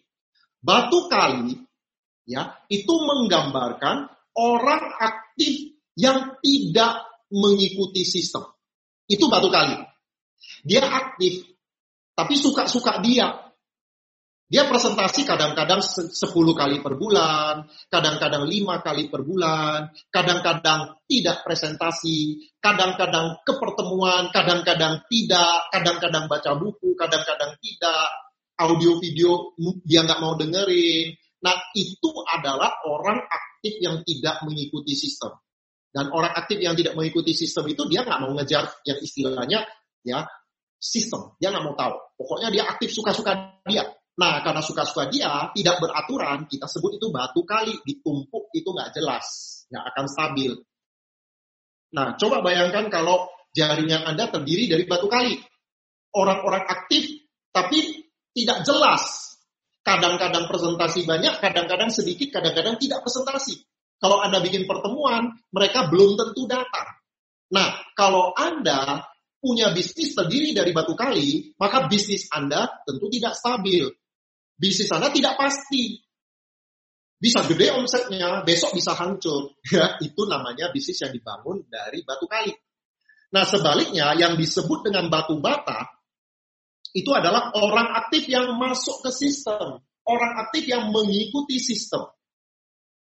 Nah, sistem ini kita susun disebut dengan satu istilah core. Jadi yang namanya batu bata itu adalah core, yaitu orang aktif yang masuk ke sistem. Orang aktif yang masuk ke sistem namanya core. Ini hanya sekedar nama, teman-teman. Ada orang-orang, ada support system yang pakai istilah distributor inti, mitra inti, member inti, atau star, atau apalah ya. Saya nggak bahas istilah. Tapi di training saya, saya ikutin yang seperti di buku, pakai istilah core. Jadi yang disebut core itu adalah orang aktif yang masuk ke sistem. Dan core itu apa sih? Orang-orang yang masuk ke sistem dan memiliki tujuh kebiasaan. Apa saja tujuh kebiasaan ini? Nomor satu, presentasi minimal 15 kali per bulan. Nomor dua, dia pakai produk secara rutin, melayani minimal 5 pelanggan, lalu membaca buku yang direkomendasi minimal 15 menit per hari, mendengarkan atau menonton audio video minimal satu per hari, hadir di setiap pertemuan, punya sikap sebagai pebisnis mandiri, yaitu pemain kelompok yang baik. Pemain kelompok yang baik itu yaitu menerapkan edifikasi, konsultasi, no cross training, lalu orangnya mandiri dan melakukan goal setting, bekerja dengan goal. Nah itulah tujuh kebiasaan core. Jangan ada pembahasan lagi ya, Pak, kenapa tujuh, kenapa nggak delapan, kenapa nggak lima? Ya, atau Pak boleh nggak saya tambahkan kebiasaan baru? Kebiasaan update status di sosial media gitu kan? Atau ke, ke, kebiasaan berikutnya adalah uh, menguasai digital marketing atau apalah gitu ya. Teman-teman, prinsip dari yang namanya support system itu adalah keep it simple. Oke, okay? keep it simple. Keep it simple itu artinya tujuan dari support system itu menyederhanakan. Teman-teman, bahwa yang namanya support system itu menyederhanakan bentar bentar ini quit quit quit quit quit oke oke okay.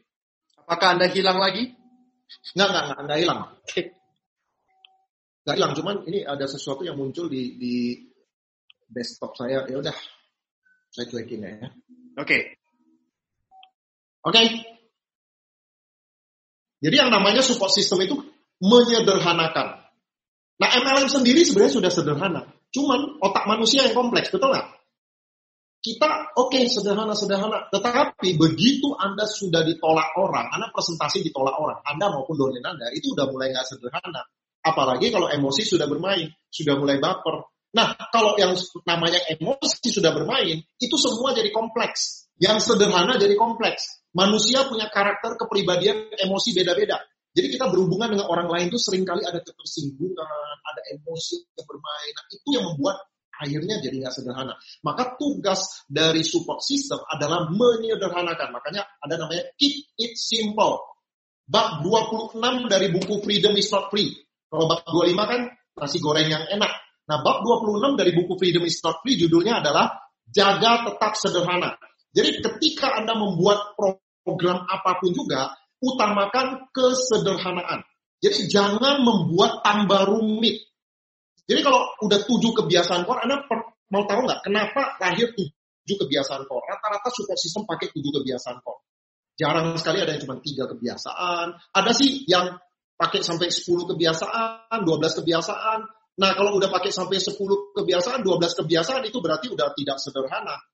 Tujuh kebiasaan dengan Delapan kebiasaan mana lebih sederhana? Memang makin sedikit makin sederhana. Gini teman-teman, waktu melahirkan tujuh kebiasaan core ini, itu sebenarnya mereka punya ini para para apa ya orang-orang saya pernah dengar ini ada seminar yang bahas ini ya bahwa dari top top leader berbagai macam MLM yang udah tua-tua itu ya mereka pernah meeting untuk melahirkan tujuh kebiasaan core itu semua sebutin kebiasaan apa saja yang bagus sebutin tuh termasuk bangun jam 5 pagi ya. Kalau zaman sekarang nih pasti kebiasaan update status itu pasti ya. Kalau zaman dulu nggak ada ya. Nah lalu mereka apa tulis tuh kebiasaan-kebiasaan yang diperlukan lalu mereka bahas satu-satu. Ini penting nggak? Bangun pagi jam 5 itu penting nggak sih untuk jadi freedom di MLM lalu eh, banyak yang bilang nggak perlu sih. Saya bangun jam 10 pagi juga bisa freedom juga. Oh ya udah dicoret ya. Lalu baca buku ini penting nggak? Oh ini penting nih. Kalau nggak baca buku nggak bertumbuh nggak berkembang orang stuck, katupnya nggak kenal. Ini leadership penting nih, baca buku nih. Oke, baca buku harus dipertahankan. Presentasi gimana? Kalau presentasi 10 kali, oke okay nggak? Oh, nggak cukup, nggak cukup. 15 kali, 15 kali, nah itu itu syarat minimum. Ya udah, akhirnya masuk 15 kali. Dan seterusnya. Lahirlah tujuh kebiasaan core yang nggak bisa ditawar lagi. Artinya kalau Anda mau freedom, Anda harus lakukan tujuh kebiasaan core itu. Dan Anda nggak perlu nambah-nambah lagi kebiasaan ke-8 makan makanan sehat. Nggak perlu. Karena kita bicara adalah mengenai freedom. Bukan berarti makan uh, makanan sehat nggak penting, bukan itu. Konteksnya adalah Anda mau jadi freedom. Apa yang perlu Anda lakukan atau kebiasaan apa yang paling tidak Anda harus miliki supaya Anda bisa jadi freedom. Lahirlah tujuh kebiasaan core ini. Jadi Anda nggak perlu nambah-nambah bikin rumit. Yang membuat kita freedom nanti bukan langkah yang canggih atau langkah yang uh, rumit ataupun yang hebat atau yang kreatif.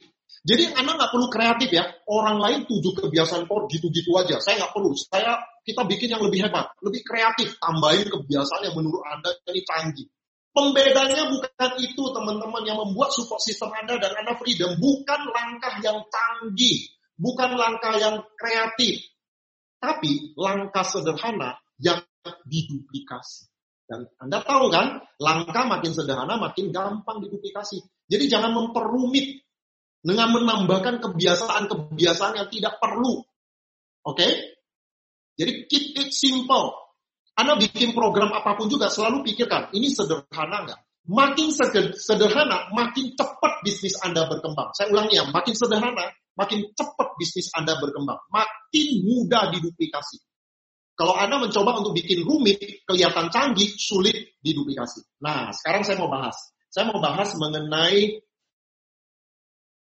jadi gini, bagaimana membuat yang batu kali itu menjadi core. Itulah peranan support system. Jadi support system itu adalah mesin pembuat batu bata. Ya, batu kali dimasukkan ke support system, keluarnya core. Jadi support system itu pabrik pembuat batu bata, pembuat core. Jadi orang-orang dari segala latar belakang, backgroundnya macam-macam yang disebut batu kali itu, yang nggak jelas tadi, masuk ke support system, dididik, diedukasi, dibina, di mentoring, keluarnya core. Orang aktif yang masuk ke sistem. Paham nggak teman-teman? Nah, jadi keep it simple. Tujuannya adalah duplikasi. Menghasilkan core. Nah, saya mau bahas yang paling sering terjadi kekacauan di support system adalah contohnya langkah kerja. Langkah kerjanya itu juga sama, dibuat nggak sederhana. Ditambahin lah, ada yang sampai 10 langkah kerja. Langkah kerja itu ya langkah-langkah yang kita gunakan untuk membangun jaringan. Makin sederhana makin bagus ya. Ini menurut saya langkah kerja itu lima langkah. Daftar nama, buat janji, presentasi, follow up sistem. Udah itu aja. Anda mau MLM apa pun juga, lima langkah ya itu. Pak, impian nggak dimasukkan, sikap nggak dimasukkan. Impian dan sikap itu bukan langkah kerja, tapi itu pondasi. Impian itu adalah bahan bakar, membuat kita bergerak. Itu tetap penting. Sikap apalagi, itu 90%. Impian juga sama, sangat penting. Tapi itu bukan langkah kerja. Nah, impian kita ajarkan di mana? Waktu presentasi aja kita gali impian, betul? 10 prioritas utama. Lalu kita ajarkan di training. Waktu startup, startup, kita membimbing orang baru, kita gali impiannya lebih dulu. Dan di training-training diajarkan impian itu penting. Ya, jadi bukan berarti impian dan sikap gak penting itu diajarkan nanti di training sebagai fondasi yang penting. Tapi langkah kerja ya udah lima langkah ini, sederhana. Nah, kemudian satu lagi presentasi standar harus dibuat sederhana. Kalau bisa dibawakan dalam waktu kurang dari 30 menit. Nah, banyak sekali leader yang tergoda nih waktu bikin presentasi standar. Dia masukin semua. Mereka berpikir makin lengkap, makin bagus. Padahal makin lengkap, makin susah diduplikasi. Dan berpotensi menimbulkan kebingungan. Betul nggak? Kalau Anda presentasi bisa dibawakan dalam waktu kurang dari 30 menit, itu bagus. Kalau Anda presentasinya dibawakan dalam satu jam, itu kelamaan. Apalagi dua jam. Saya sering ketemu ada presentasi yang dua jam, Bapak Ibu. Di presentasi itu dua jam. Bikin orang bingung, bikin rumit, dikasih macam-macam. Ada lagi ya, waktu itu saya pernah jadi konsultan untuk sebuah MLM yang marketing plan-nya rumit sekali. Mereka ingin masukkan itu semua di presentasi standar. Saya bilang enggak. Kalau support system, presentasi standar harus dibuat sederhana. Masukkan saja yang penting-penting, yang tidak rumit, sederhana, yang penting bisa memikat orang bahwa ini bisnis yang bagus yang bisa mewujudkan impian orang. Yang rumit-rumit, hilangkan, taruh di training. Paham nggak Bapak Ibu? Jadi presentasi standar nggak, boleh rumit, harus sederhana. Kalau di marketing plan ada yang rumit, dibuang. Dijelaskan di bagian training marketing plan. Jangan waktu presentasi standar. Karena presentasi standar itu harus sederhana. Supaya mudah diduplikasi. Maka teman-teman harus buat presentasi standar yang simple. Kemudian jangan diubah-ubah. Ada orang yang bikin presentasi standar, ya. Dia udah buat udah bagus nih, udah sederhana, udah oke, okay, sudah memenuhi kaidah presentasi yang bagus lah ya, udah oke. Okay. Lalu dia presentasi-presentasi dia udah jalankan selama enam bulan, dia melihat ya banyak penolakan. Padahal penolakan itu bukan karena presentasinya nggak bagus. Dia pikir, wah ini kayaknya presentasinya kurang bagus. Dia ubah lagi ditambah supaya lebih lengkap. Nah, kalau Anda punya kebiasaan mengubah-ubah presentasi standar, maka bisnis Anda jadi rumit, jadi nggak sederhana, dan duplikasi akan kacau. Karena orang baru akan bingung. Kemarin saya belajar presentasi kayak gini, sekarang ubah lagi. Belum belajar yang baru, yang ubah lagi. Kalau Anda mengubah-ubah presentasi standar, maka itu jadi sulit diduplikasi. Ya, jadi jangan mengubah mengubah presentasi standar. Kalau kita sebagai leader merasa bosan, itu yang bosan leader, Orang baru mah enggak, orang baru tetap pertama kali dengerin presentasi seperti itu. Dan salahnya bukan di presentasi. Jumlah itu nggak biasa. Anda presentasi 10 orang yang join dua atau tiga itu normal Bapak Ibu. Ya. Nah, kalau memang presentasi Anda sebagus apa pun nggak bisa 10 presentasi yang join 8 nggak bisa. Jadi bukan salah di presentasinya. Hati-hati jangan ubah presentasi ya. Kemudian untuk mendukung supaya duplikasi, buat video presentasi standar. Jadi ada video presentasi standar gimana cara melakukannya, ya, dipresentasikan dalam waktu 30 menit, ya. Nah, itu ada satu video supaya orang baru gampang belajar. Kemudian penting ada flip chart. Flip chart itu jadi mempermudah. Jadi orang jadi lebih, bentar. Dengan adanya flip chart, nah ini contoh ya, kalau Anda punya flip chart, Anda tinggal buka-buka kayak kalender gitu. Keterangannya sudah ada di sini, sehingga lebih mudah diduplikasi dengan bolak-bolak seperti bolak-balik seperti ini aja Anda udah bisa jelasin. Jadi flip chart itu sangat direkomendasi. Ya, jadi kalau Anda bikin support system, investasikan waktu dan uang untuk bikin flip chart. Karena ini mempermudah presentasi standar. Duplikasinya jadi lebih gampang. Ya, walaupun kadang-kadang ada orang yang suka presentasi dengan coret-coret, nggak apa-apa. Ya, jadi Anda bisa buat nanti video presentasi pakai flip pakai coret-coret. Jadi Anda boleh orang boleh pilih, tapi formatnya sama, jangan diubah-ubah. Oke? Okay? Nah, ingat Bapak Ibu bahwa MLM itu tujuannya adalah duplikasi. Support system kita tujuannya duplikasi. Support system tujuannya menyederhanakan segala sesuatu supaya mudah diduplikasi. Nah, supaya terjadi duplikasi itu sebabnya ada sistem. Ya, dan sistem itu kalau kita bicara duplikasi, kita bicara sistem itu kita bicara ukuran. Ya, kayak bisnis franchise lah. Contohnya kayak McDonald. McDonald itu kan bisnis franchise. Karena dia bisnis franchise, dia sudah ada sistemnya, sudah ada ukurannya. Misalnya nih, goreng hamburgernya berapa lama, ya, minyaknya temperatur berapa. Demikian juga untuk goreng tentang goreng, kasih garamnya berapa. Itu semua sudah ada ukurannya, sudah ada standar. Sehingga di mana pun Anda makan, di gerai McDonald, itu rasa hamburgernya dan McDonaldnya mirip-mirip Bapak Ibu. Kenapa? Karena ada ukurannya. Nah, demikian juga di support system. Kalau Anda mau menjadi seorang uh, diamond atau seorang yang freedom, penghasilan pasif income 100 juta sebulan, itu kira-kira bisnisnya seperti apa? Ukurannya itu seperti apa? Jaringannya berapa besar? Berapa jumlah orang yang aktif, berapa jumlah orang yang presentasi 15 kali, berapa jumlah orang yang core, yang masuk ke inti tadi, orang orang yang masuk ke sistem tadi. Itu berapa orang? Itu sudah harus ada ukurannya. Ya kita nggak bisa bikin kue dengan uh, persis sama kalau nggak dikasih tahu takarannya, betul nggak? Cuma dikasih tahu ini tepung, mentega, gula, bubuk coklat. Bisa nggak bikin? Nggak bisa. Kita harus tahu ukurannya. Ya, maka kita bicara ukuran nih teman-teman. Istilah vital sign. Ini nanti saya ulang-ulang vital sign. Tapi teman-teman bacanya vital sign ya. Jangan vital sign. saya banyak ketemu orang bacanya vital sign. Emang kalau vital, vital sign. vital sign. Ya, bahasa Inggris. Bahasa Inggris ya. Biar keren dikit lah ya. Jadi vital sign ini kan dari bahasa Inggris. Jadi jangan bacanya vital sign. Jangan ya. Vital sign. Jadi vital sign itu sama dengan parameter bisnis. Nah, Vital sign itu apa sih definisinya? Nah ini definisinya saya kasih ya. Teman-teman kalau nggak sempat catat ini nggak apa-apa. Karena Anda akan dapat makalah ini semua. Jadi tenang aja yang tadi tadi juga Anda dapat. Ya, tulisan-tulisan itu semua makalahnya Anda akan dapat. Ya, di Telegram nanti akan di-share.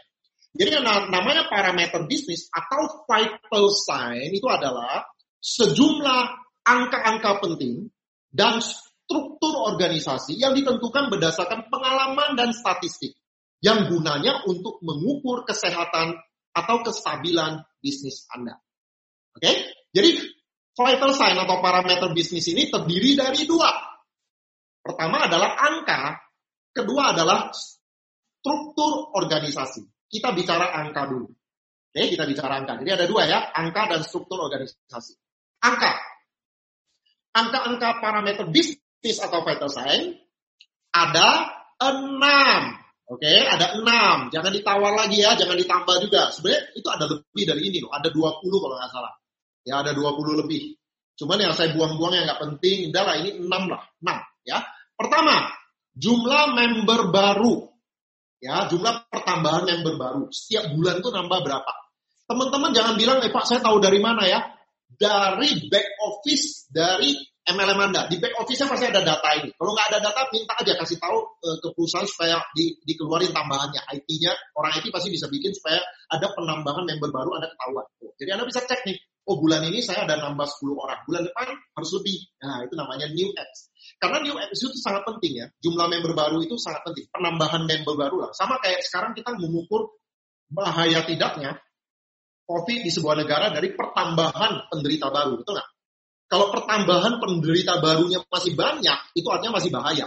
Kalau pertambahan penderita barunya udah udah mulai turun, itu ya kurvanya udah mulai landai ya, udah mulai turun, itu artinya sudah bisa ditangani COVID ya. Nah ini juga begitu Bapak Ibu. Pertambahan member baru yang namanya new apps itu sangat penting. Itu adalah ibu dari segala vital sign. Oke, okay? Itu adalah uh, ibunya ya. Artinya kalau new apps-nya nggak gede, jangan harap yang lain bisa gede. New apps harus gede dulu supaya yang lain bisa gede ya. Nah, jadi itu sangat penting. Jadi sekali lagi dari mana Pak kita tahu kalau jaringan kita masih sedikit kita bisa hitung. Ya awal-awal saya di ML saya hitung nih. Ya, pertambahan member baru saya hitung. Ya, lama-lama saya lihat dari back office saja. Ya, dia Anda bisa cek di back office ya. Dari IT Anda lah ya, IT MLM Anda. Kalau Anda mau meningkatkan UX, caranya adalah RP. Anda sponsori banyak orang. Ya. Kemudian, seminar, jumlah orang-orang yang hadir di seminar, itu Anda harus hitung. Harus bisa hitung. Mulai dari Anda, Anda harus kendalikan tim Anda ini berapa orang. Kalau Anda punya seminar, ini bawa berapa orang, bawa berapa orang. Mulai dari tiket early yang keluar. Ya. Lalu program edukasi. Ini penting banget. Nanti saya akan eh, banyak bahas mengenai program edukasi. Kenapa? Karena ini yang harus Anda ciptakan. Program edukasi ini Anda harus ciptakan. Karena ini bagian yang sangat penting. Support system itu ada karena ada program edukasi. Tanpa program edukasi, coret itu support system. Itu jadi event organize saja. Oke? Okay? Jadi program edukasi ini sangat penting. Nanti saya akan jelaskan lebih banyak. 15 planner. Jumlah orang yang presentasi minimal 15 kali per bulan itu adalah tim aktif Anda, itu ada tim kerja Anda dan calon-calon core. Nah, tentu saja core itu juga masuk parameter. Jadi inilah enam parameter angka yang Anda harus hitung, harus catat. Dan Anda harus dengan sengaja meningkatkan angka-angka ini dari bulan ke bulan. Kalau angka ini nggak meningkat, ya bisnis Anda akan hancur, Bapak Ibu, nggak akan berkembang. Nah, angka-angka ini tidak menunjukkan bisnis Anda saat ini, tapi menunjukkan bisnis Anda ke depan. Sekali lagi saya ulangi, angka-angka ini tidak mencerminkan bisnis Anda saat ini, tapi mencerminkan bisnis Anda ke depan nanti. Program edukasi, ini bagian yang paling penting. Saya kalau kalau ketemu orang yang, eh, saya punya support system, saya tanya dulu, punya nggak program pendidikan yang berkesinambungan? Kalau nggak punya ya berarti nggak ada, nggak ada support system. Ya, jadi support system paling penting program edukasi dalam bentuk berlangganan. Dan biasanya itu bayar. Kalau Anda belum bisa bikin yang berbayar, ya free dulu lah, nggak apa-apa. Yang paling bagus bayar. Jadi kalau Anda tanya saya, Pak program edukasi sebaiknya bayar atau tidak? Bayar. Kenapa? Supaya Anda tahu mereka serius atau enggak. Kalau free, gampang sekali orang, eh free, ya udah join, free, join. Gampang, semua orang join. Mereka nggak keluarkan uang, nggak menunjukkan niat mereka. Jadi kalau Anda tanya saya mesti bayar atau tidak, bayar ya bayar.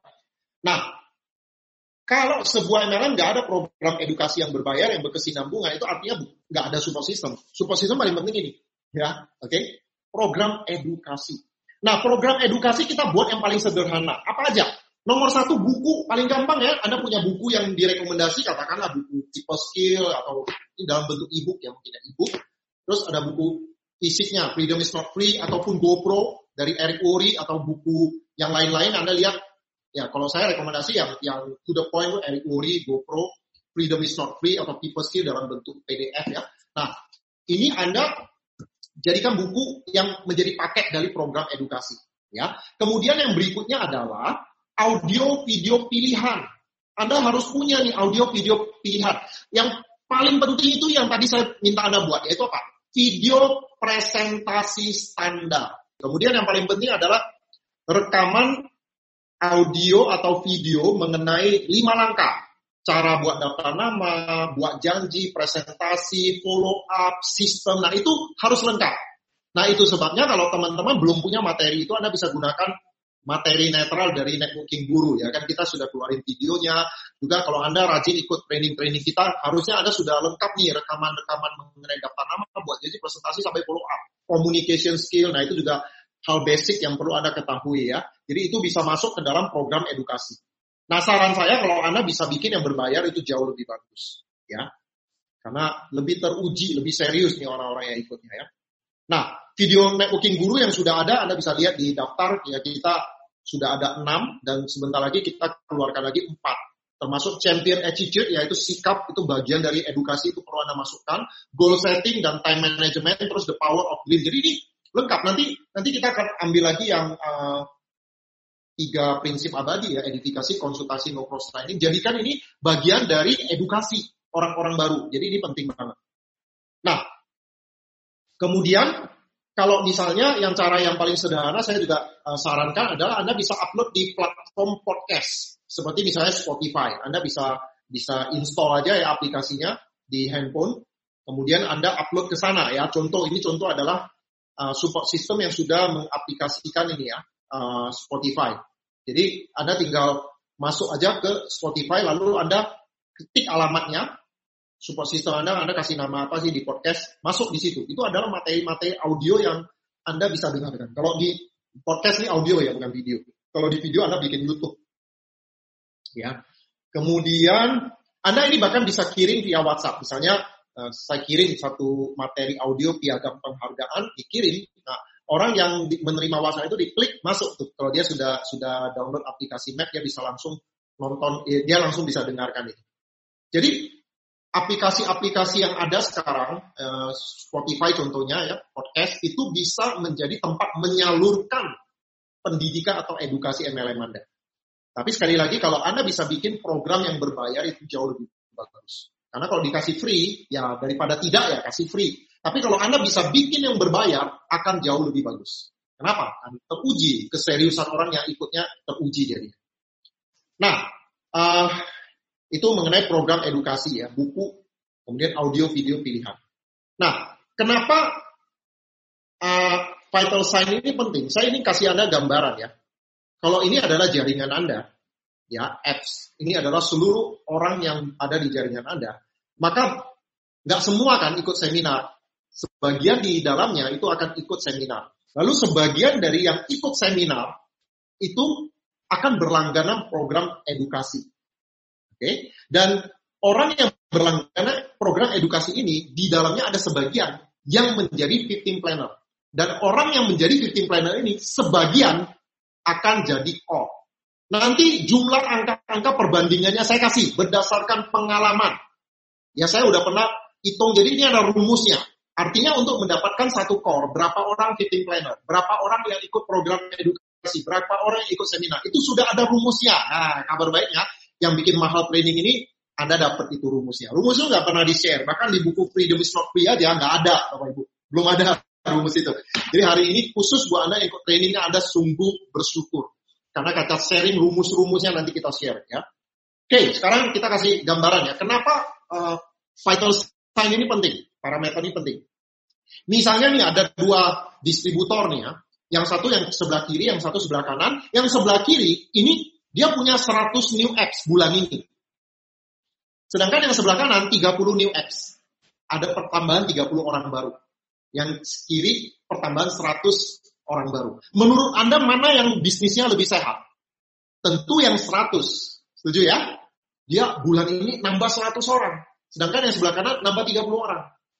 Untuk saat ini, yang 100 new apps itu kelihatan lebih bagus bisnisnya. Tapi kita cek dulu parameter lain, karena new apps itu kan cuma satu parameter ya. Kita lihat, di bawah 100 new apps itu ada berapa orang. Nah, ternyata di grup yang sebelah kiri, itu jumlah fitting plannernya 5 orang.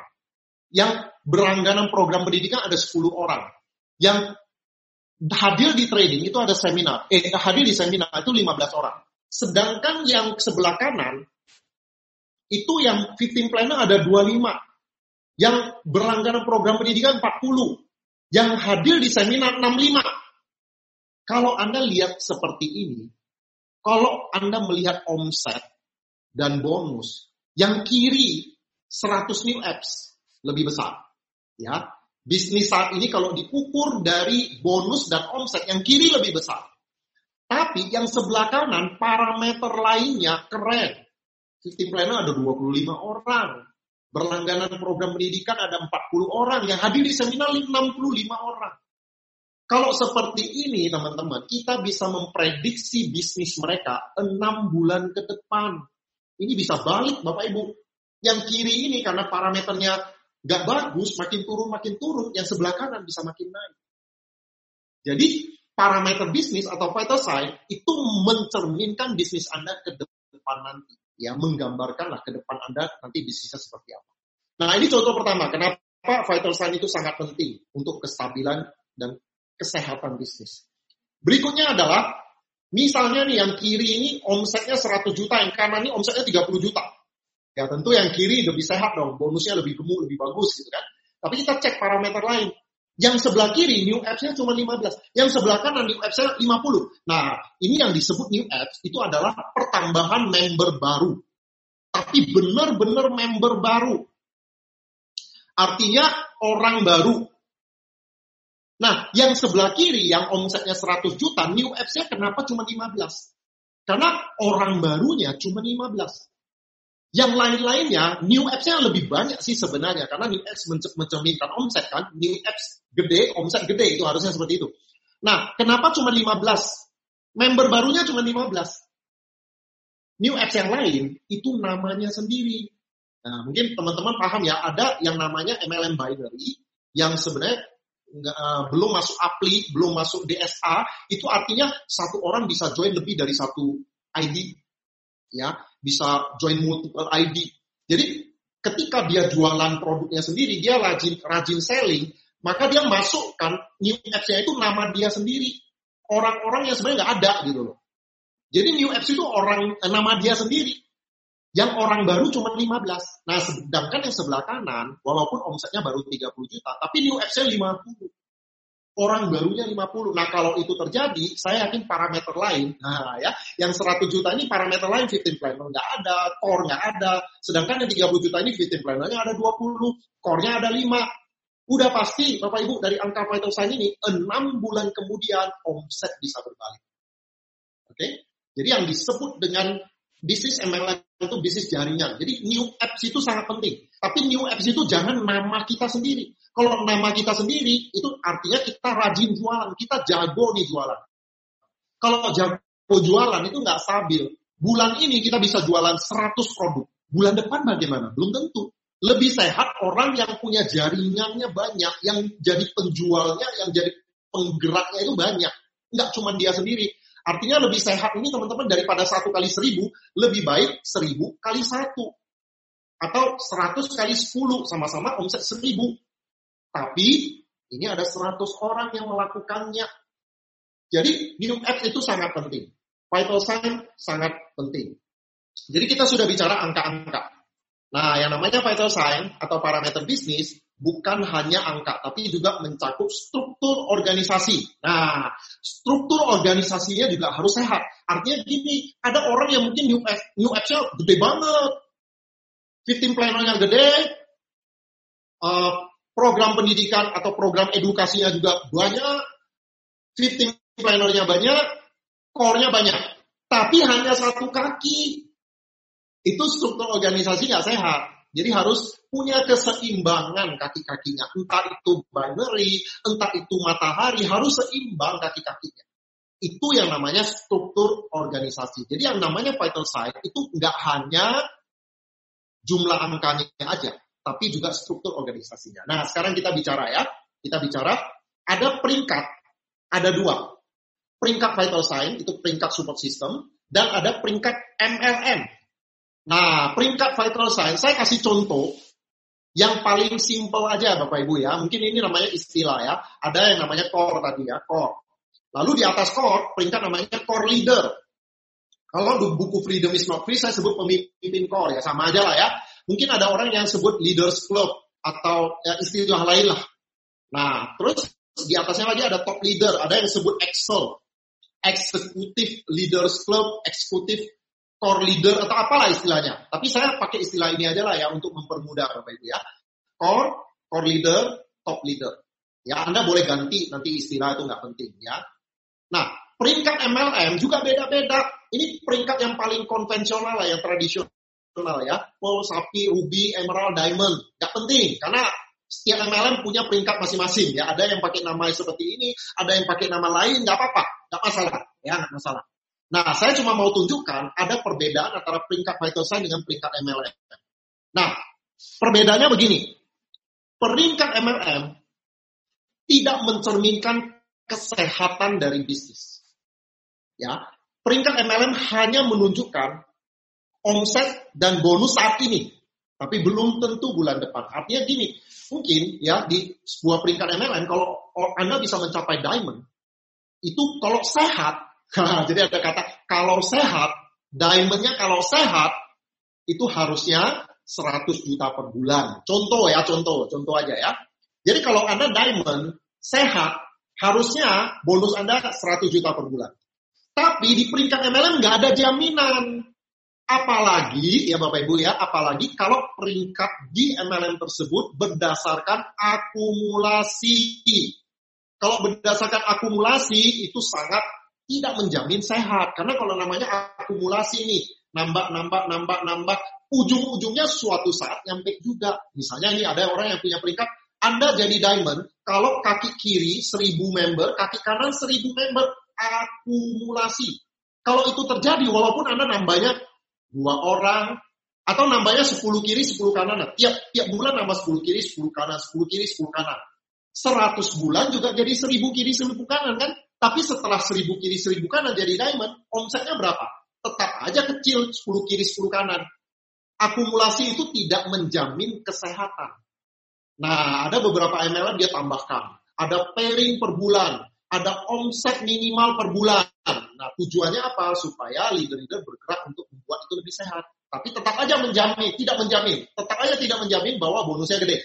Nah, itu sebabnya kita butuh yang namanya peringkat vital sign. Kita butuh yang namanya mengejar vital sign dengan peringkat core. Core leader, top leader. Jadi kalau peringkat vital sign itu kita mengejar angka-angka penting, kita mengejar jumlah orang yang masuk ke sistem, bukan sekedar omset saja. Karena kalau cuma sekedar omset, orang jualan kenceng juga omsetnya gede. Tapi setelah itu gimana? Bisa bertahan nggak? Nggak bisa. Satu kali seribu tadi saya bilang, satu orang jual seribu produk. Omset bulan ini gede seribu. Tapi bagaimana bulan depan? Bisa nggak lagi dia, dia jualan seribu lagi? Nah, belum tentu. Ya, tapi kalau dia bangun jaringan, ada 100 orang yang masing-masing jual 10, tentu lebih stabil. Paham ya maksud saya? Jadi peringkat vital sign itu gunanya untuk membangun bisnis yang sehat. Tujuan Anda mengejar peringkat vital sign adalah supaya ketika Anda menjadi diamond di peringkat MLM, sehat bisnisnya. Ya, dengan mengejar peringkat vital sign, misalnya Anda jadi core dulu, habis itu jadi core leader, habis itu jadi top leader. Nah, kalau Anda sudah top leader, selangkah lagi Anda emerald dan diamond. Tapi emerald dan diamond yang sehat. Ketika Anda jadi diamond dengan mengejar peringkat vital sign, pasti 100 juta per bulan bisnis Anda stabil, bonus Anda stabil, Anda freedom. Jadi itu tujuannya teman-teman. Kenapa perlu yang namanya support system? Kenapa perlu yang namanya vital sign? Kenapa ada peringkat vital sign? Dan ini harus dianggap penting. Jadi jangan hanya ngejar emerald, diamond, peringkat di MLM saja. Peringkat MLM penting, teman-teman, karena itu nanti akan diedifikasi, dihargai di atas panggung, dan orang lihat, wow, diamond, wow, freedom. Tapi perjalanan menuju freedom itu jauh lebih penting. Jangan sampai Anda cuma diamondnya sekali. Paham ya? Peringkatnya tetap diamond, tapi bonusnya belum tentu diamond. Wah itu sangat sangat menyengsarakan. beban Bapak Ibu ya, beban ketinggian peringkat. Diamond tapi tidak sehat. Wow, diedifikasi di atas panggung. Wih, leader yang freedom. Padahal dia tahu sendiri bonusnya belum tentu 100 juta, bahkan belum tentu separuhnya. Kenapa? Karena tidak membangun dengan sehat. Kalau Anda bangun dengan sehat, ngejar peringkat vital sign, maka Anda akan freedom. Oke? Okay? Nah, ada yang namanya road to freedom. Tergantung nama marketing plan Anda itu yang dikejar untuk freedom minimal bonus 100 juta per bulan itu apa? Diamond atau crown atau apalah peringkatnya ya. Bisa road to crown atau road to diamond. Saya sebut aja yang netral ya. Road to freedom. Inilah peringkat vital sign Anda. Tentu saja diawali dengan core ya. Anda ya daki tangga itu ya. Jadi ingat ya, uh, tujuan dari support system adalah keep it simple, menyederhanakan. Kalau Anda disuruh, Pak, yuk freedom yuk jadi diamond. Ah, gimana caranya? Diamond tinggi. Gimana caranya Anda loncat ke atas? Gak bisa. Anda harus daki tangga, setangga demi setangga, setahap demi setahap. Jadi naik dulu, jadi core dulu. Kalau Anda mau freedom, core dulu. Core itu kan gampang. Core itu hanya diri kita sendiri loh. Nggak, belum bicara orang di bawah. Itu hanya diri sendiri. Core itu Anda memimpin diri sendiri. Anda mempraktekkan tujuh kebiasaan core. Tujuh kebiasaan core itu ya. Kebiasaan pertama yang presentasi itu minimal 15 kali per bulan. Presentasi. Tidak dikatakan minimal merekrut tiga orang per bulan. Tidak ada. Ya, jadi Anda bisa mengendalikan core itu. Anda sendiri kok. Cuma 15 kali presentasi, nggak ada patokan join atau tidak. Enggak. Anda 15 kali presentasi. Walaupun 15 kali presentasi nggak ada yang join, Anda tetap core. Kalau Anda sudah lakukan 15 kali presentasi dan follow up dengan benar. Paham ya? Jadi semua orang bisa jadi core. Nah setelah Anda jadi core, langkah berikutnya adalah Anda mencetak core di bawah Anda. Ya, nah tentu saja orang join nggak langsung core. Orang join ada yang aktif, ada yang enggak yang aktif Anda bimbing supaya hadir ke seminar, lalu mereka berlangganan program edukasi, habis itu mereka mulai presentasi, jadi victim planner, akhirnya jadi core. Nah, kalau Anda sudah punya core di bawah Anda, Anda jadi core leader. Nah, kalau Anda sudah mencetak core leader di bawah Anda, Anda jadi top leader. Kalau Anda sudah top leader, tinggal selangkah lagi Anda freedom. Paham Bapak Ibu? Jadi Anda tidak hanya mengejar omset atau bonus, tapi Anda juga mengejar parameter bisnisnya, yaitu angka-angkanya, dan juga struktur organisasinya. Nah, sekarang kita bicara struktur organisasi. Anda tidak usah catat, ini semua Anda akan dapat nanti makalahnya. Nah, struktur organisasi core leader apa? Kalau binary, biasanya kayak gini. Nanti saya kasih contoh yang matahari juga ya. Kalau binary, itu dua kaki ya, lima core, numpuk ya, numpuk. Tusuk sate, tusuk sate ya, numpuk. Kita bicara numpuk, bukan bicara tersebar-sebar ya. Numpuk, ini ada hubungannya dengan yang nanti kita akan bahas. Lima kor numpuk di satu kaki dan eh, di satu kaki dan kaki berikutnya adalah tiga kor numpuk. Ini namanya core leader. Pak, boleh nggak saya bikin empat dua? Terserah Anda. Tapi Anda baca di buku Freedom is free ya. Kenapa lima? Oke, okay? ini adalah angka minimal untuk kestabilan teman-teman. Ya. Kemudian top leader. Nah, peringkat setelah uh, core leader adalah top leader. Top leader itu sama ya, 5 core leader dan 3 core leader. Kenapa 5 Pak? Ada hubungannya dengan kestabilan. Oke? Okay? 5 leader numpuk itu stabil. Kenapa 5 Pak? Kenapa enggak 4? Kenapa enggak 6? Iya, pengalaman. Dari pengalaman, statistik. Ada beberapa uh, eh, MLM yang uh, matahari, dia terapkan hanya 4. Karena dia matahari. Kalau binary, minimal 5. Itu sudah saya jawab di buku Freedom is not free. Anda baca aja ya, bab 25, bab 26 saya sudah jelaskan kenapa 5. Oh sorry, uh, bab uh, kisah buku putih mengenai bekerja ke dalam saya sudah jelaskan kenapa 5 kedalaman. Nah, kemudian core lead, ini untuk yang matahari. Oke, okay? nah untuk konsep matahari kayak gini, 4, 2, 1. Top leadernya juga sama, 4, 2, 1. Pak, kenapa 4, Pak? Karena ya binary, eh, karena dia matahari. Nah, Pak Matahari kenapa enggak, kenapa tiga kaki aja, kenapa enggak empat atau lima atau enam sekaligus? Ingat ya, kemampuan fokus manusia yang paling bagus itu dua, tapi sehebat-hebatnya empat. Empat kalau Anda kerjanya suami istri. Jadi suami istri sama-sama kerja, maksimal Anda bisa fokus di empat. Ya, karena ini matahari, kita harus ada struktur organisasi yang sehat ya. Kalau matahari berarti ya Anda harus minimal tiga kaki. Dan dan bahkan Anda lihat ya, MLM, sebuah MLM tertua, yang kalau untuk jadi diamond harus enam kaki. Mereka nggak ngajarin, langsung bangun enam. Nggak, bangun tiga. Setelah tiga jadi, baru tiga lagi. Makanya kalau tiga kaki jadi itu emerald. Enam kaki jadi itu diamond. Orang nggak langsung bangun jadi diamond. Nggak, emerald dulu. Tiga kaki. Tiga kaki. Kayak Anda muter piring nih di sirkus ya. Anda putar piring nomor satu, putar piring nomor dua, putar piring nomor tiga, yang nomor satu, piringnya udah mau jatuh Bapak Ibu. Kalau Anda putar piring nomor empat, ini jatuh. Makanya tiga aja, balik lagi ke yang satu. Ya, Jadi fokus manusia nggak bisa terlalu banyak, nggak bisa lewat dari empat. Empat pun harus suami istri. Jadi kalau kerja sendirian maksimal ya tiga aja. Ya, makanya top leader itu punya tiga kaki. Empat, dua, satu. Nah kalau, jadi sekali lagi ya, ini road to freedom. Ya, nanti itu struktur organisasi yang Anda dapat ya. Jadi road to freedom mulai dari, dari diri Anda sendiri, Anda jadi core. Setelah Anda jadi core, Anda mulai rekrut orang, mulai bimbing orang, mulai mencetak core, Anda jadi core leader. Nah, setelah Anda jadi core leader, Anda mulai mencetak core leader di bawah Anda, dan Anda jadi top leader. Kalau Anda sudah jadi top leader, nggak usah khawatir teman-teman, tinggal selangkah lagi Anda freedom. Ya, dan freedom Anda itu sehat, makanya saya sebut freedom. Kalau cuma peringkat MLM belum tentu sehat. Belum tentu diamond akan diamond seterusnya. Kalau dia bangun uh, diamondnya tidak dengan sehat, dengan vital sign. Kalau cuma jago jualan, satu kali seribu tadi, ya omset diamond hari ini, tapi bulan depan gimana? Belum tentu. Ya, tetapi kalau kita bangun dengan peringkat vital sign itu kita bangun dengan sehat, dengan uh, jumlah jaringan yang masuk ke sistem. Seperti tadi itu bangun dari batu bata, bukan batu kali. Oke? Okay? Jadi tim kita masuk ke sistem. Kalau tim kita masuk ke sistem, kita enteng, kita tenang. Kita bisa santai sebulan, dua bulan, nggak presentasi pun jaringan kita itu naik omsetnya. Nah, Anda mau seperti itu, bangun dengan sehat.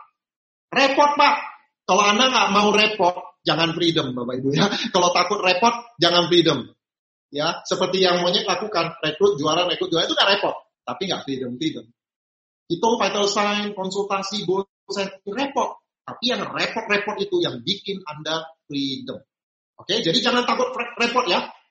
Saya tadi udah bilang, jalankan MLM dengan support system atau tanpa support system sama-sama susah. Bedanya adalah yang satu bikin freedom, yang satu bikin Anda kerja selamanya ya. Nah, ini adalah panduan vital sign. Anda bisa tentukan teman-teman, Anda bisa hitung sendiri. Nanti saya kasih rumusnya. Nah, Seorang core leader itulah sign-nya. 10 RP, top leader 30 RP, seminarnya 60, top leader uh, seminarnya 300, uh, eh, program edukasi core leader itu 30, fitting planner-nya 15, core-nya 8. Nah, kok bisa sih datang angka-angka ini? Nanti saya, saya kasih rumusnya. Nah, Anda bisa hitung sendiri. Kenapa perlu ada angka angka ini sebagai panduan? Ingat ilustrasi saya mengenai kue. Kalau Anda lihat kue ya, kue yang enak. Lalu Anda makan, oh ini enak kuenya. Ini cara bikinnya gimana? Udah pakai tepung, pakai mentega, gula, bubuk coklat, telur. Oh gitu aja. Udah, bisa nggak bikin? Nggak bisa. Anda harus tahu ukurannya, takarannya.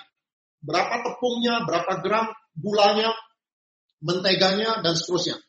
Baru Anda bisa bikin kue yang rasanya sama. Anda lihat ada orang yang freedom.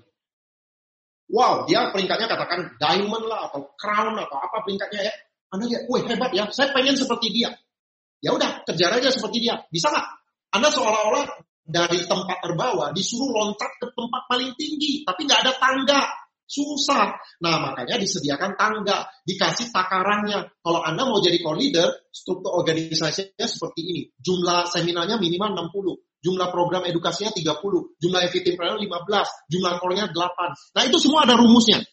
Rumusnya ini, teman-teman. Ya, ini saya kasih rumusnya.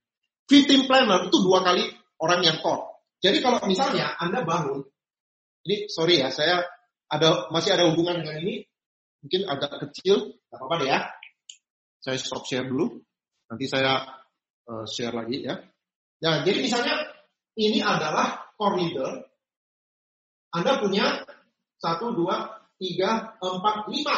Anda punya lima core dan satu, dua, tiga. Tiga core di kiri. Berarti ada berapa core? Minimal delapan core. Nah, mulai dari delapan core ini, Anda mulai masuk ke rumus.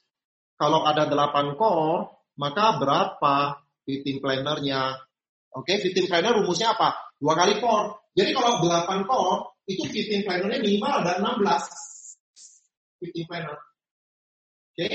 nah berapa? Ini next ya.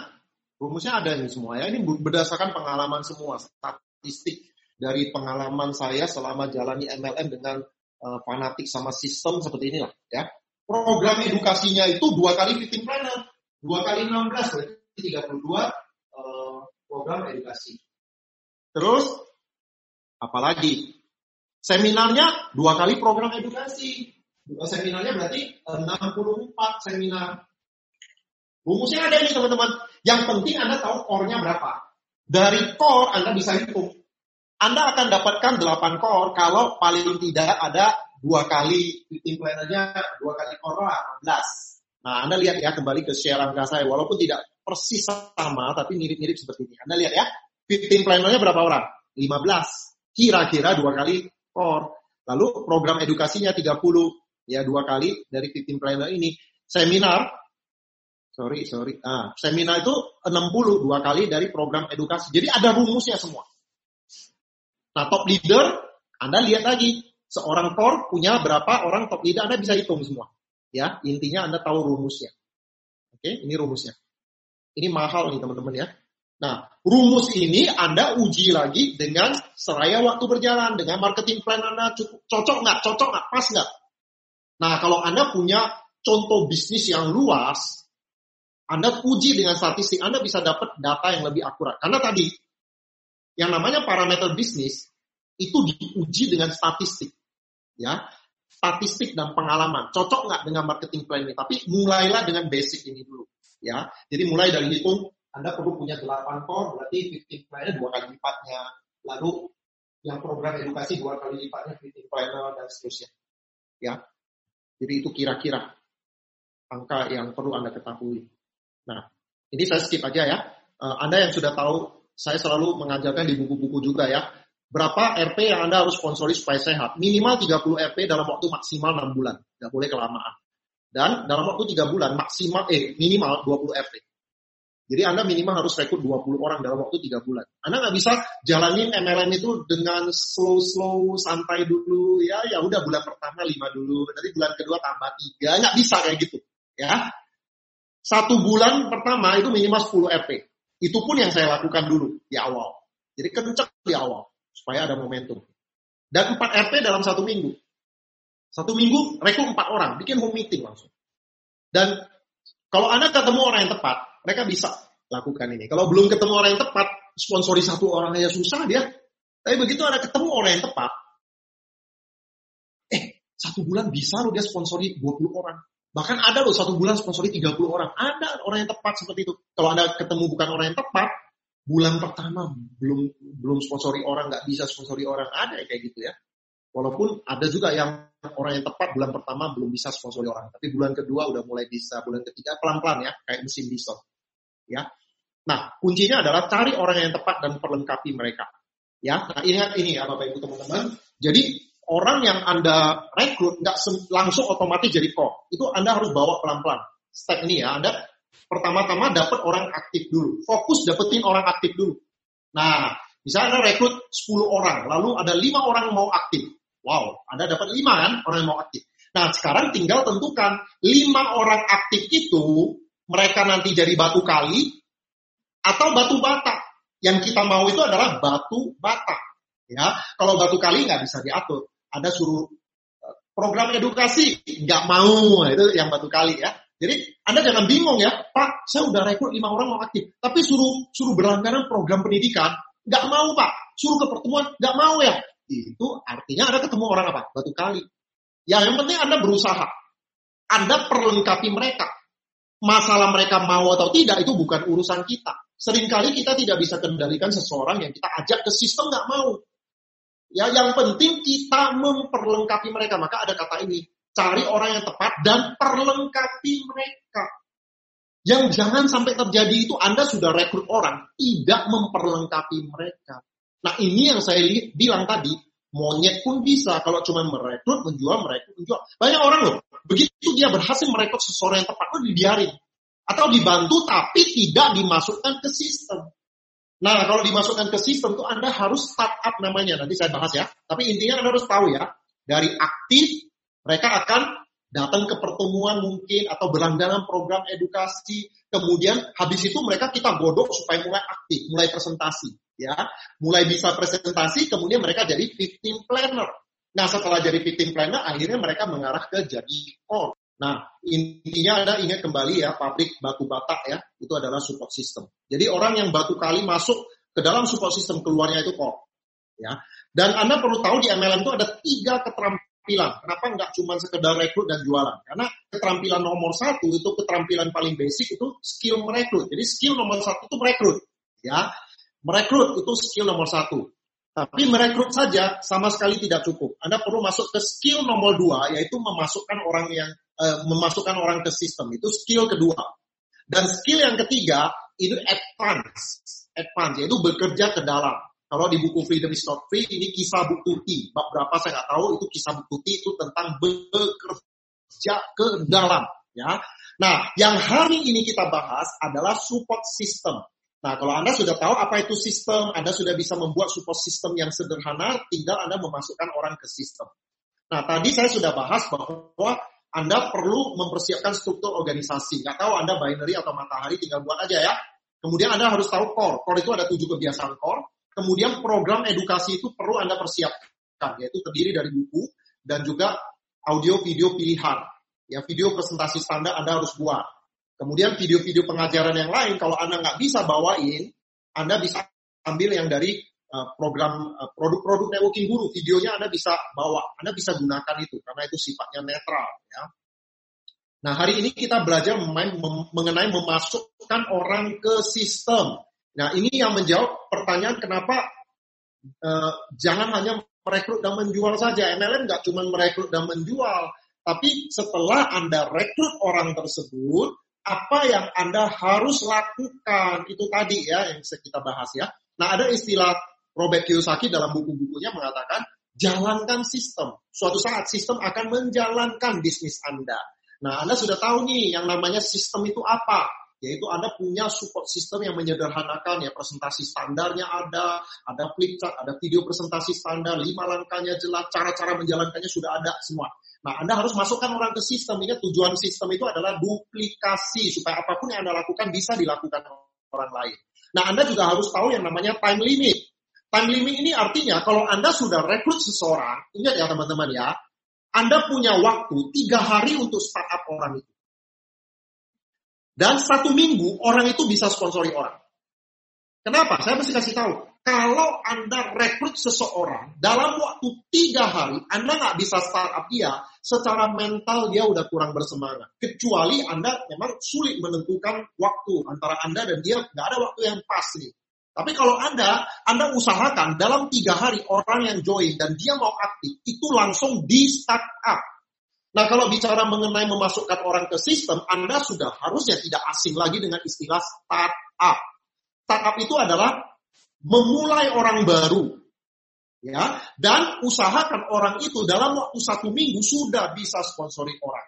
Kenapa? Karena kalau orang itu di startup, kemudian dalam satu minggu dia bisa sponsori orang, makin sulit bagi orang itu keluar dari bisnis ini. Dia akan lebih cenderung bertahan dan masuk ke sistem jadi orang tepat Anda daripada dia hilang. Jadi kalau Anda sudah rekrut seseorang dan Anda nggak startup dia dalam waktu tiga hari, kemungkinan dia udah nggak semangat. Apalagi kalau dia nggak rekrut orang, kemungkinan dia hilang itu besar. Makanya ada yang namanya time limit. Kalau Anda sudah rekrut seseorang, tiga hari Anda harus startup dia. Oke? Okay? Startup adalah satu bagian yang sangat penting untuk memasukkan orang ke sistem. Strategi 45, empat langkah startup, dan lima langkah duplikasi. Saya mulai dari empat langkah startup. Apa yang Anda lakukan ketika startup? Nomor satu, bangun impiannya. Nomor dua, gali daftar namanya dan book janji presentasi. Nomor tiga, buat janji. Kalau bisa langsung angkat telepon phone on three. Anda yang lakukan, jangan delegasi. Orang baru belum bisa buat janji. Jadi Anda yang lakukan. Dan nomor empat, Anda promosi program edukasi, buku, dan pertemuan. Nah ini semua supaya mudah diduplikasi sudah ada yang namanya startup seed. Ya, nah ini ya bagian mengedukasi itu Tadi saya contohin nomor 4 ya, itu bagian memasukkan orang ke sistem. Nah, di halaman, oke okay, di buku Freedom is not free ya, saya lupa halaman berapa ya, nanti nanti ada di keterangannya. Ada startup seed contohnya. Nanti saya juga akan share ini di Telegram. Contoh startup seed seperti ini. Ya, Anda tinggal modifikasi ya. Ada bagian, jadi gini teman-teman ya, Start itu gini. Anda sudah rekrut orang itu, dan orang itu mau aktif.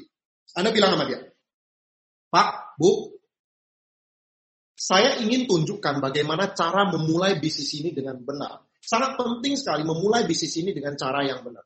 Nah, karena hari ini ada waktu, saya ada waktu besok jam 2. Bapak bisa nggak sediakan waktu satu jam aja? Saya akan tunjukkan bagaimana Bapak memulai bisnis ini dengan benar. Bikin janji. Ketemu, Anda tanya dia. Biasanya ya saya kalau sebelum startup orang itu saya saya tanya dia dulu, Pak, Selamat untuk keputusannya bergabung dan mau aktif. Ini adalah sebuah kendaraan yang tepat untuk Bapak mewujudkan impian Bapak. Ya. Nah, sebelum saya sampai ke sana, Pak, kita kan punya contoh orang-orang yang sudah berhasil. Kita sudah punya sistem yang memastikan siapa pun asal mereka mau bisa berhasil di bisnis ini. Nah, kalau Bapak menjalankan bisnis ini, Bapak mau ngikutin cara Bapak sendiri atau cara sistem yang sudah terbukti? Saya tanya dia. Jadi saya tanya dia, Pak, Bapak mau jalan pakai cara Bapak sendiri atau mengikuti cara sistem yang sudah terbukti? Saya tanya dia. Dan 90% orang akan bilang, ya ikuti sistem aja. Ya, Nah, kalau dia jawab seperti itu, Pak, pilihan yang tepat. Nah, untuk mengikuti sistem, kita sudah punya formulirnya. Keluarkan startup sheet ini, di halaman pertama, langsung ajak dia mulai. Langsung bahas. Di, di bagian pertama, gali impiannya. Pak, ini ada 10 alasan orang jalankan bisnis ini. Bapak bisa tulis 5 hal yang paling penting. Ini apa aja. Udah, suruh dia tulis. ya. Setelah itu langsung masuk. Pak, kita mulai dari daftar nama. Ini ada 30 daftar nama, Bapak bisa isi dulu siapa yang Bapak kenal, tulis. ya. Setelah itu langsung bukti, bikin janji ke presentasi. Ya, Bu, eh, janji presentasi kira-kira Pak, saya ada waktu hari Selasa jam 2 atau hari Kamis jam 3. Bapak cocok yang mana? Atau dua waktu ini saya berikan untuk Bapak. Oke, oke, sip. Ya, langsung phone on Nah setelah itu langsung di halaman yang kedua di bagian terakhir itu ada satu bagian yang namanya duplikasi untuk memastikan bisnis Anda berkembang. Nah, di situ di bagian itu dipromosikan Bapak Ibu program edukasinya, pertemuan yang bisa mereka hadiri. Nah, di si bagian itulah Anda memperlengkapi orang yang mau aktif ini. Ini adalah bagian di mana Anda mencoba memasukkan mereka ke sistem. Nah, kalau Anda sudah lakukan ini dan Anda ketemu orang yang tepat, biasanya mereka akan ikuti. Ya, tapi kalau Anda ketemunya bukan orang yang tepat, ya, mungkin mereka ikut kemudian hilang atau mereka nggak mau ikut. Sekali lagi ya, tugas kita adalah melakukan bagian kita. Tugas mereka melakukan bagian mereka. Ya, yang penting Anda memperlengkapi mereka. Ya. Contoh startup ship ada di bab 30 dari buku Freedom, tapi nanti saya akan kirim dalam bentuk PDF ke Anda melalui Telegram. Kemudian yang perlu Anda ingat, duplikasi tidak otomatis. Jangan berpikir Anda rekrut orang yang tepat, langsung dia duplikasi. Belum tentu Bapak Ibu. Ada lima langkah duplikasi. Jadi kalau Anda mau membantu orang tersebut jadi victim planner, kan Anda mesti kasih contoh supaya dia bisa presentasi kan. Nah, yang pertama Anda lakukan adalah, Anda bilang sama dia, Pak, nanti saya presentasi, Bapak perhatikan cara saya presentasi. Nanti kita diskusikan setelah selesai presentasi. Udah, Anda bawa orang baru atau dia punya prospek, Anda minta dia perhatikan, Anda yang presentasi. Setelah selesai, Anda bicara, we talk. We talk itu adalah meeting after meeting. Ya, meeting yang dilakukan setelah selesai presentasi. Anda tanya dia, eh gimana tadi perhatikan cara presentasi saya? Bagian mana yang paling menarik dari presentasi saya? Dan seterusnya, Anda talk, bicara. Nah, setelah itu, Anda bilang, nanti next presentasi berikutnya, saya akan presentasi bagian ini. Nah, ketika bagian produk, coba kamu persiapkan seperti tadi saya presentasi produk. Jadi, I do, you have. Dan selesai itu, meeting. Puji dia. Wah, tadi kamu bawain presentasi produk bagus sekali. Ya, saya yakin nextnya lebih bagus. Nextnya, you do, I have. Kamu yang bawain seluruh presentasi. Saya yang bantu. Saya bantu di bagian closingnya. Nah, selesai itu, we talk meeting lagi, uji lagi, kasih masukan lagi, ya. Dan yang keempat, bagian duplikasi yang keempat, you do, I watch, gitu. Jadi artinya orang baru ini kita lepas, mereka mulai presentasi, kita yang memperhatikan. Selesai kita bilang keren, bagus, ya. Dan bagian kelima, you do, someone watch. Ini adalah bagian ketika orang tersebut sudah bisa presentasi mandiri dan mereka sudah mulai bawa murid seseorang yang mereka akan duplikasikan. Ya, nah itulah lima langkah duplikasi. Nah, lima langkah duplikasi ini nggak cukup hanya lima kali presentasi Anda bantu orang itu. Bisa jadi ya Anda I do, langkah satunya I do, you watch we talk-nya bisa dua kali. I do, you have we talk-nya bisa dua kali atau tiga kali. Tergantung perkembangan orang tersebut. Tapi ujung-ujungnya yang kita harapkan adalah orang itu mandiri. Bisa presentasi sendiri. Kemudian bisa bawa murid. Ya, Jadi itulah cara memasukkan orang ke sistem. Dan sekarang saya mau bicara alat bantu. Nah untuk bicara alat bantu, saya ke foto ini ya gajah ya Kan kemarin ada yang bilang, Pak, cerita dong tentang gajah. Nah, sekarang saya mau cerita gajah ya. Ini ada hubungannya dengan alat bantu. Jadi ceritanya gini teman-teman mengenai gajah. Nah banyak waktu saya bilang uh, cerita gajah, banyak orang bilang, Pak, saya tahu cerita gajah dan enam orang buta. Nah, bukan itu ceritanya ya. Ini ceritanya tentang uh, sebuah sirkus yang bangkrut. Sirkus ini bangkrut dan pawang gajahnya akhirnya ya kehilangan pekerjaan. Pawang gajah ya karena sirkusnya bangkrut, tutup. Nah si pawang gajah ini putar otak, mikir gimana caranya cari duit. Nah setelah putar otak sekian lama, karena keahlian dia kan cuma tentang gajah, dia tahu mengenai gajah. Nah akhirnya dia dapat ide nih, yes punya ide nih. Saya bikin kontes semacam taruhan, ya di tengah pasar, dia pasang spanduk taruhannya. Siapa yang bisa bikin gajah empat empat kakinya loncat ke udara, saya kasih sejuta. Yang mau coba taruhan ini 100 ribu bayarnya. Wah ya, dipasang spanduk ini. Karena si pawang gajah ini yakin. Pasti nggak ada orang yang bisa bikin gajah empat-empat kakinya naik ke atas. Karena gajah di sirkus paling naik dua kaki. Saking beratnya, nggak pernah empat kakinya naik ke udara, nggak pernah ya. Sejarah pawang itu kenal gajah dari kecil sampai gede nggak pernah kayak gitu. Ya makanya dia yakin loh, pasti menang nih. Ya taruhannya pasti menang. Nah kontes dimulai, datang orang pertama, orang yang badannya gede banget, Orang ini bayar 100 ribu lalu dia coba.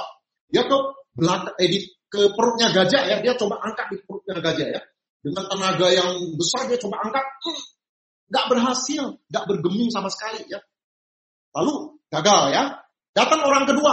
Orang kedua ini sumo, atlet sumo. Nah, atlet sumo ini pegang gajah di bagian depan kakinya, lalu diangkat. Angkat sekuat tenaga, iya, cuman satu kaki yang keangkat. Gagal ya, atlet sumo ini gagal. Lalu orang ketiga datang. Orang ketiga ini pesulap, mentalis ya. Mentalis ya favoritnya Sadra ya. Yang ini alisnya naik ke atas itu ya. Datang, lalu si mentalisnya menatap wajah gajahnya. Lalu dia bilang, loncat. Si gajahnya melengos doang. Nggak loncat sama sekali. Gagal tukang sulap. Coba-coba mau sulap gajah ya. Hipnotis gajah nggak bisa ya. Lalu yang ketiga atlet angkat berat. Wow ini pasti tenaganya luar biasa atlet angkat berat ya. Dia datang ke belakang uh, pahanya gajah dia angkat angkat setengah mati. Ah cuman satu kaki gajah yang keangkat jadi gagal juga Akhirnya nggak ada yang coba lagi, si pawang gajah, wow saya dapat duit nih. Nggak ada yang bisa angkat uh, empat kaki gajah ke atas ya. Tiba-tiba dia udah kumpulin duit, dia udah mau pulang, tiba-tiba seorang pria kurus dan kecil angkat tangan, saya bisa, mau coba, saya mau coba, dia bilang gitu kan. Terus si orang-orang di, di pasar itu semua heran ya, pria kecil, udah kecil kurus lagi ya, mau coba, ya mau angkat gajah empat kakinya ke udara gitu kan. Mereka bilang ini buang-buang duit aja. Ya udah bayar 100 ribu si pria uh, kurus kecil ini lalu coba nih. Ya, pria kurus kecil ini dia jalan, dia hadap gajahnya, dia lihat gajahnya, dia sapa dulu gajahnya. Halo gajah, selamat pagi. Dia senyum ya, dia tatap mata gajahnya nih, Halo gajah, selamat pagi. Terus habis itu, terus dia keluarin karet gelang. Ya, pria kecil ini keluarin karet gelang, langsung dia lari ke belakang dari gajah, dia cari kemaluan gajah. Di belakang ada kemaluan gajah ya, seperti gambar saya ini ya. Oh dia cari ke belakang kemaluan gajah dan dia pakai karet gelang ini dia sentil dengan sekuat tenaga. Cepet! Kena apa kemaluan gajah dan gajah itu kagetnya luar biasa saking kagetnya ya. Dia loncat kedua kakinya ke atas. Wah empat empatnya naik ke atas ya kaget banget soalnya Bapak Ibu, teman-teman. Karena apa? Udah uh, rasanya itu ya kayak perih-perih semeriwing gitu ya sampai dia kaget. Empat kakinya loncat ke atas dan dia menang dapat satu juta. Ini si pawang gajah bilang kurang ajar ini. Pinter juga dia pakai ini karet doang ya. luar biasa dia bisa menang ya orang lain yang badannya gede gagal dia pakai karet gelang aja bisa bikin gajah empat empatnya naik ke atas dengan menyentil kemaluan gajah ya. Menimbulkan sensasi semeriwing semeriwing perih. Oke. Okay. nah akhirnya si pawang gajah yang mau pulang nggak jadi ya. Nggak jadi pulang. Dia mikir lagi gimana caranya dapat duit? Ya tadi udah hampir dapat duit nih kurang aja nih si pria kecil tadi muncul ya. Terus dia mikir-mikir, hmm, kalau di sirkus gajah nganggu ini ya, naik turunnya, kepalanya itu udah biasa. Tapi gajah nggak pernah geleng, nggak pernah uh, apa ya belok kepalanya kiri kanan. Nah, terus dia pasang spanduk. Siapa yang bisa bikin gajah geleng, ya kasih satu juta untuk nyoba seratus ribu. Wow, akhirnya datang nih, datang ibu-ibu ibu-ibu ini galak luar biasa. Biasanya di rumah yang ditempeleng itu adalah suaminya ya ditempeleng. Dia pikir tempeleng gajah juga sama ya. Dia datang ke depan gajahnya, dia tempeleng kepala gajah ya sekuat tenaga si ibu ini.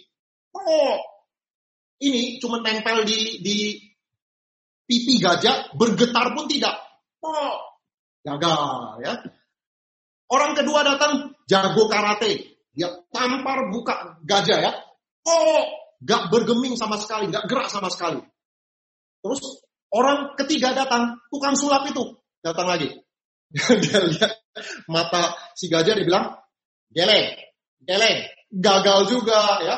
Wah, akhirnya si si tukang sulap ini, eh itu tukang sulap, si pawang gajah ini merasa, wah kali ini saya menang ya. Eh tiba-tiba waktu dia mau pulang, pria kecil itu muncul lagi. Pria kurus kecil tadi. Saya mau coba. Terus si pawang gajah bilang, wah ini ngapain lagi nih? Ya udah silakan, bayar seratus ribu. Lalu pria kecil kurus tadi pergi ke gajahnya, dia tatap mata gajahnya dulu. Dia bilang, gajah, masih ingat saya? Gajahnya apa? Ngangguk-ngangguk. Masih ingat soalnya. Eh? Lalu pria kecil ini keluarin karet gelang. Dia kasih lihat ke gajah itu dan dia tanya, masih mau? dia tanya gitu.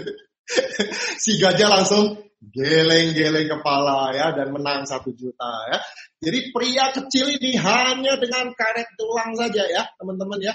Hanya dengan karet gelang dia bisa bikin gajah itu melonjak empat kaki ke atas dan dia bisa bikin gajah itu geleng-geleng kepala. Padahal karate nggak bisa, tukang sulap nggak bisa ya hanya dengan alat yang sederhana. Karet gelang saja. Ya, jadi itulah fungsinya alat teman-teman ya.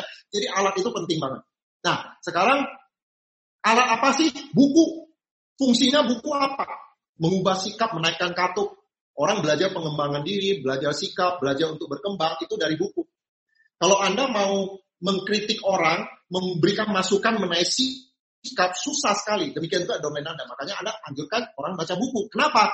Karena ingat ya, jaringan itu MLM itu manusia semua. Anda ini manusia ini berkembang, makanya Anda minta domain Anda baca buku. Karena domain Anda baca buku, mereka akan berkembang kepribadiannya. Nah, leadershipnya juga berkembang, sikap positifnya, ketangguhan mentalnya, akhirnya mereka jadi orang yang tepat, orang yang lebih bagus, yang diperlengkapi untuk bisnis MLM. Nah, itu tujuannya buku, ya, mengoreksi sikap. Kemudian audio video. Audio video ini sangat penting teman-teman untuk duplikasi. Ada ada tiga manfaat. Nah, ini saya mau jelaskan ya. Ada tiga manfaat dari audio video.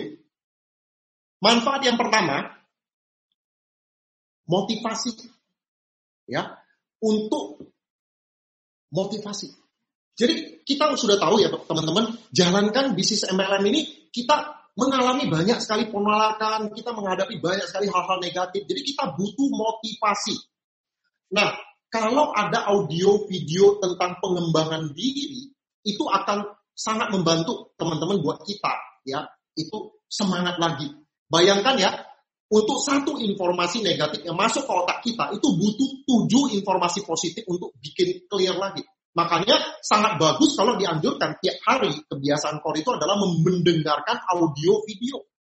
Nah, setiap orang yang berjuang di bisnis MLM harusnya punya yang namanya audio atau video motivasi favorit.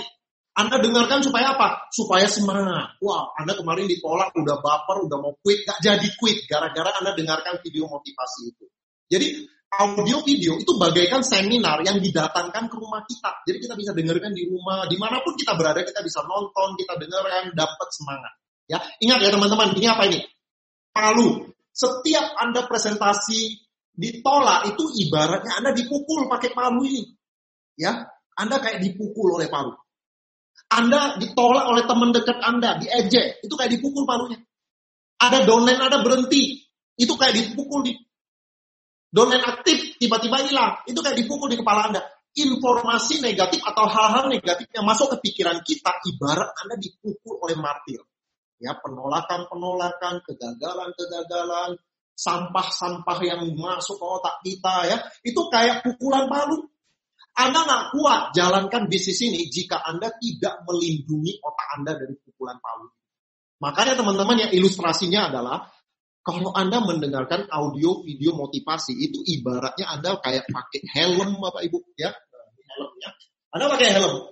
Dipukul kuat. Coba bayangkan kalau nggak ada helm teman-teman. Kalau nggak ada helm, kepala saya hancur Bapak Ibu dipukul oleh kegagalan, penolakan, hal-hal negatif. Gara-gara saya melindungi otak saya, selamat. Nah, helm ini, teman-teman, itu sama seperti audio video yang kita dengarkan. Bayangkan ya, kalau Anda punya program edukasi yang bagus, Anda menyalurkan motivasi audio video yang keren, yang bagus kepada seluruh tim Anda. Mereka dengerin tiap hari, mereka dengerin tiap minggu, tiap bulan. Anda kan tenang, mereka semangat semua. Diprotek supaya nggak berhenti dari bisnis karena penolakan. Jadi itu nomor satu. Untuk motivasi. Yang kedua, untuk apa? Kita lihat ya yang kedua ya. Yang kedua adalah untuk teknik. Nah untuk teknik ini gini Bapak Ibu, Anda mau belajar cara follow up, Anda mau belajar cara presentasi, belajar cara apa? Misalnya cara memasukkan orang ke sistem. Nah semua pembelajaran itu butuh yang namanya satu teknik, cara belajar terbaik. Namanya apa? repetisi. Jadi repetisi adalah cara belajar terbaik. Kenapa kita ingat satu topik? Karena diulang-ulang.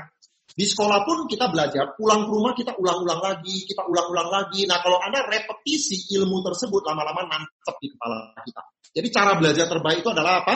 Repetisi. Nah kalau Anda ikut training, Anda dengar memang bagus, dapat. Tapi pulang ke rumah mungkin besok udah lupa. Tapi kalau ada dalam bentuk rekaman, audio maupun video, Anda bisa ulang-ulang. Misalnya apa yang saya katakan hari ini, mungkin Anda dengar sepintas, eh hilang udah, lupa, nggak fokus, tiba-tiba ingat jemuran di rumah, eh ya, jadi lupa. Tapi kalau ada rekamannya, Anda bisa ulang-ulang, ya, itu akan nancep di pikiran. Jadi cara belajar terbaik untuk dapatkan teknik, teknik follow up, teknik presentasi, teknik memasukkan orang ke sistem, teknik buat janji, itu adalah pengulangan. Dan dengan rekaman audio atau video, itu dimungkinkan. Dan yang ketiga untuk duplikasi. Ya, untuk duplikasi. Ini penting sekali Bapak Ibu untuk duplikasi karena tadi tadi saya udah bilang ya, uh, cerita gajah dan kalek gelang itu juga untuk duplikasi. Ya, dengan alat yang sederhana, orang yang kecil kurus pun bisa lakukan. Nah, saya ambil contoh kayak inilah. Ya, Anda lihat ini ya. Ini ada paku. Saya suka kasih ilustrasi ini. Ini ada balok kayu, ini ada paku. Kalau saya minta seorang ibu masukin paku ini ke dalam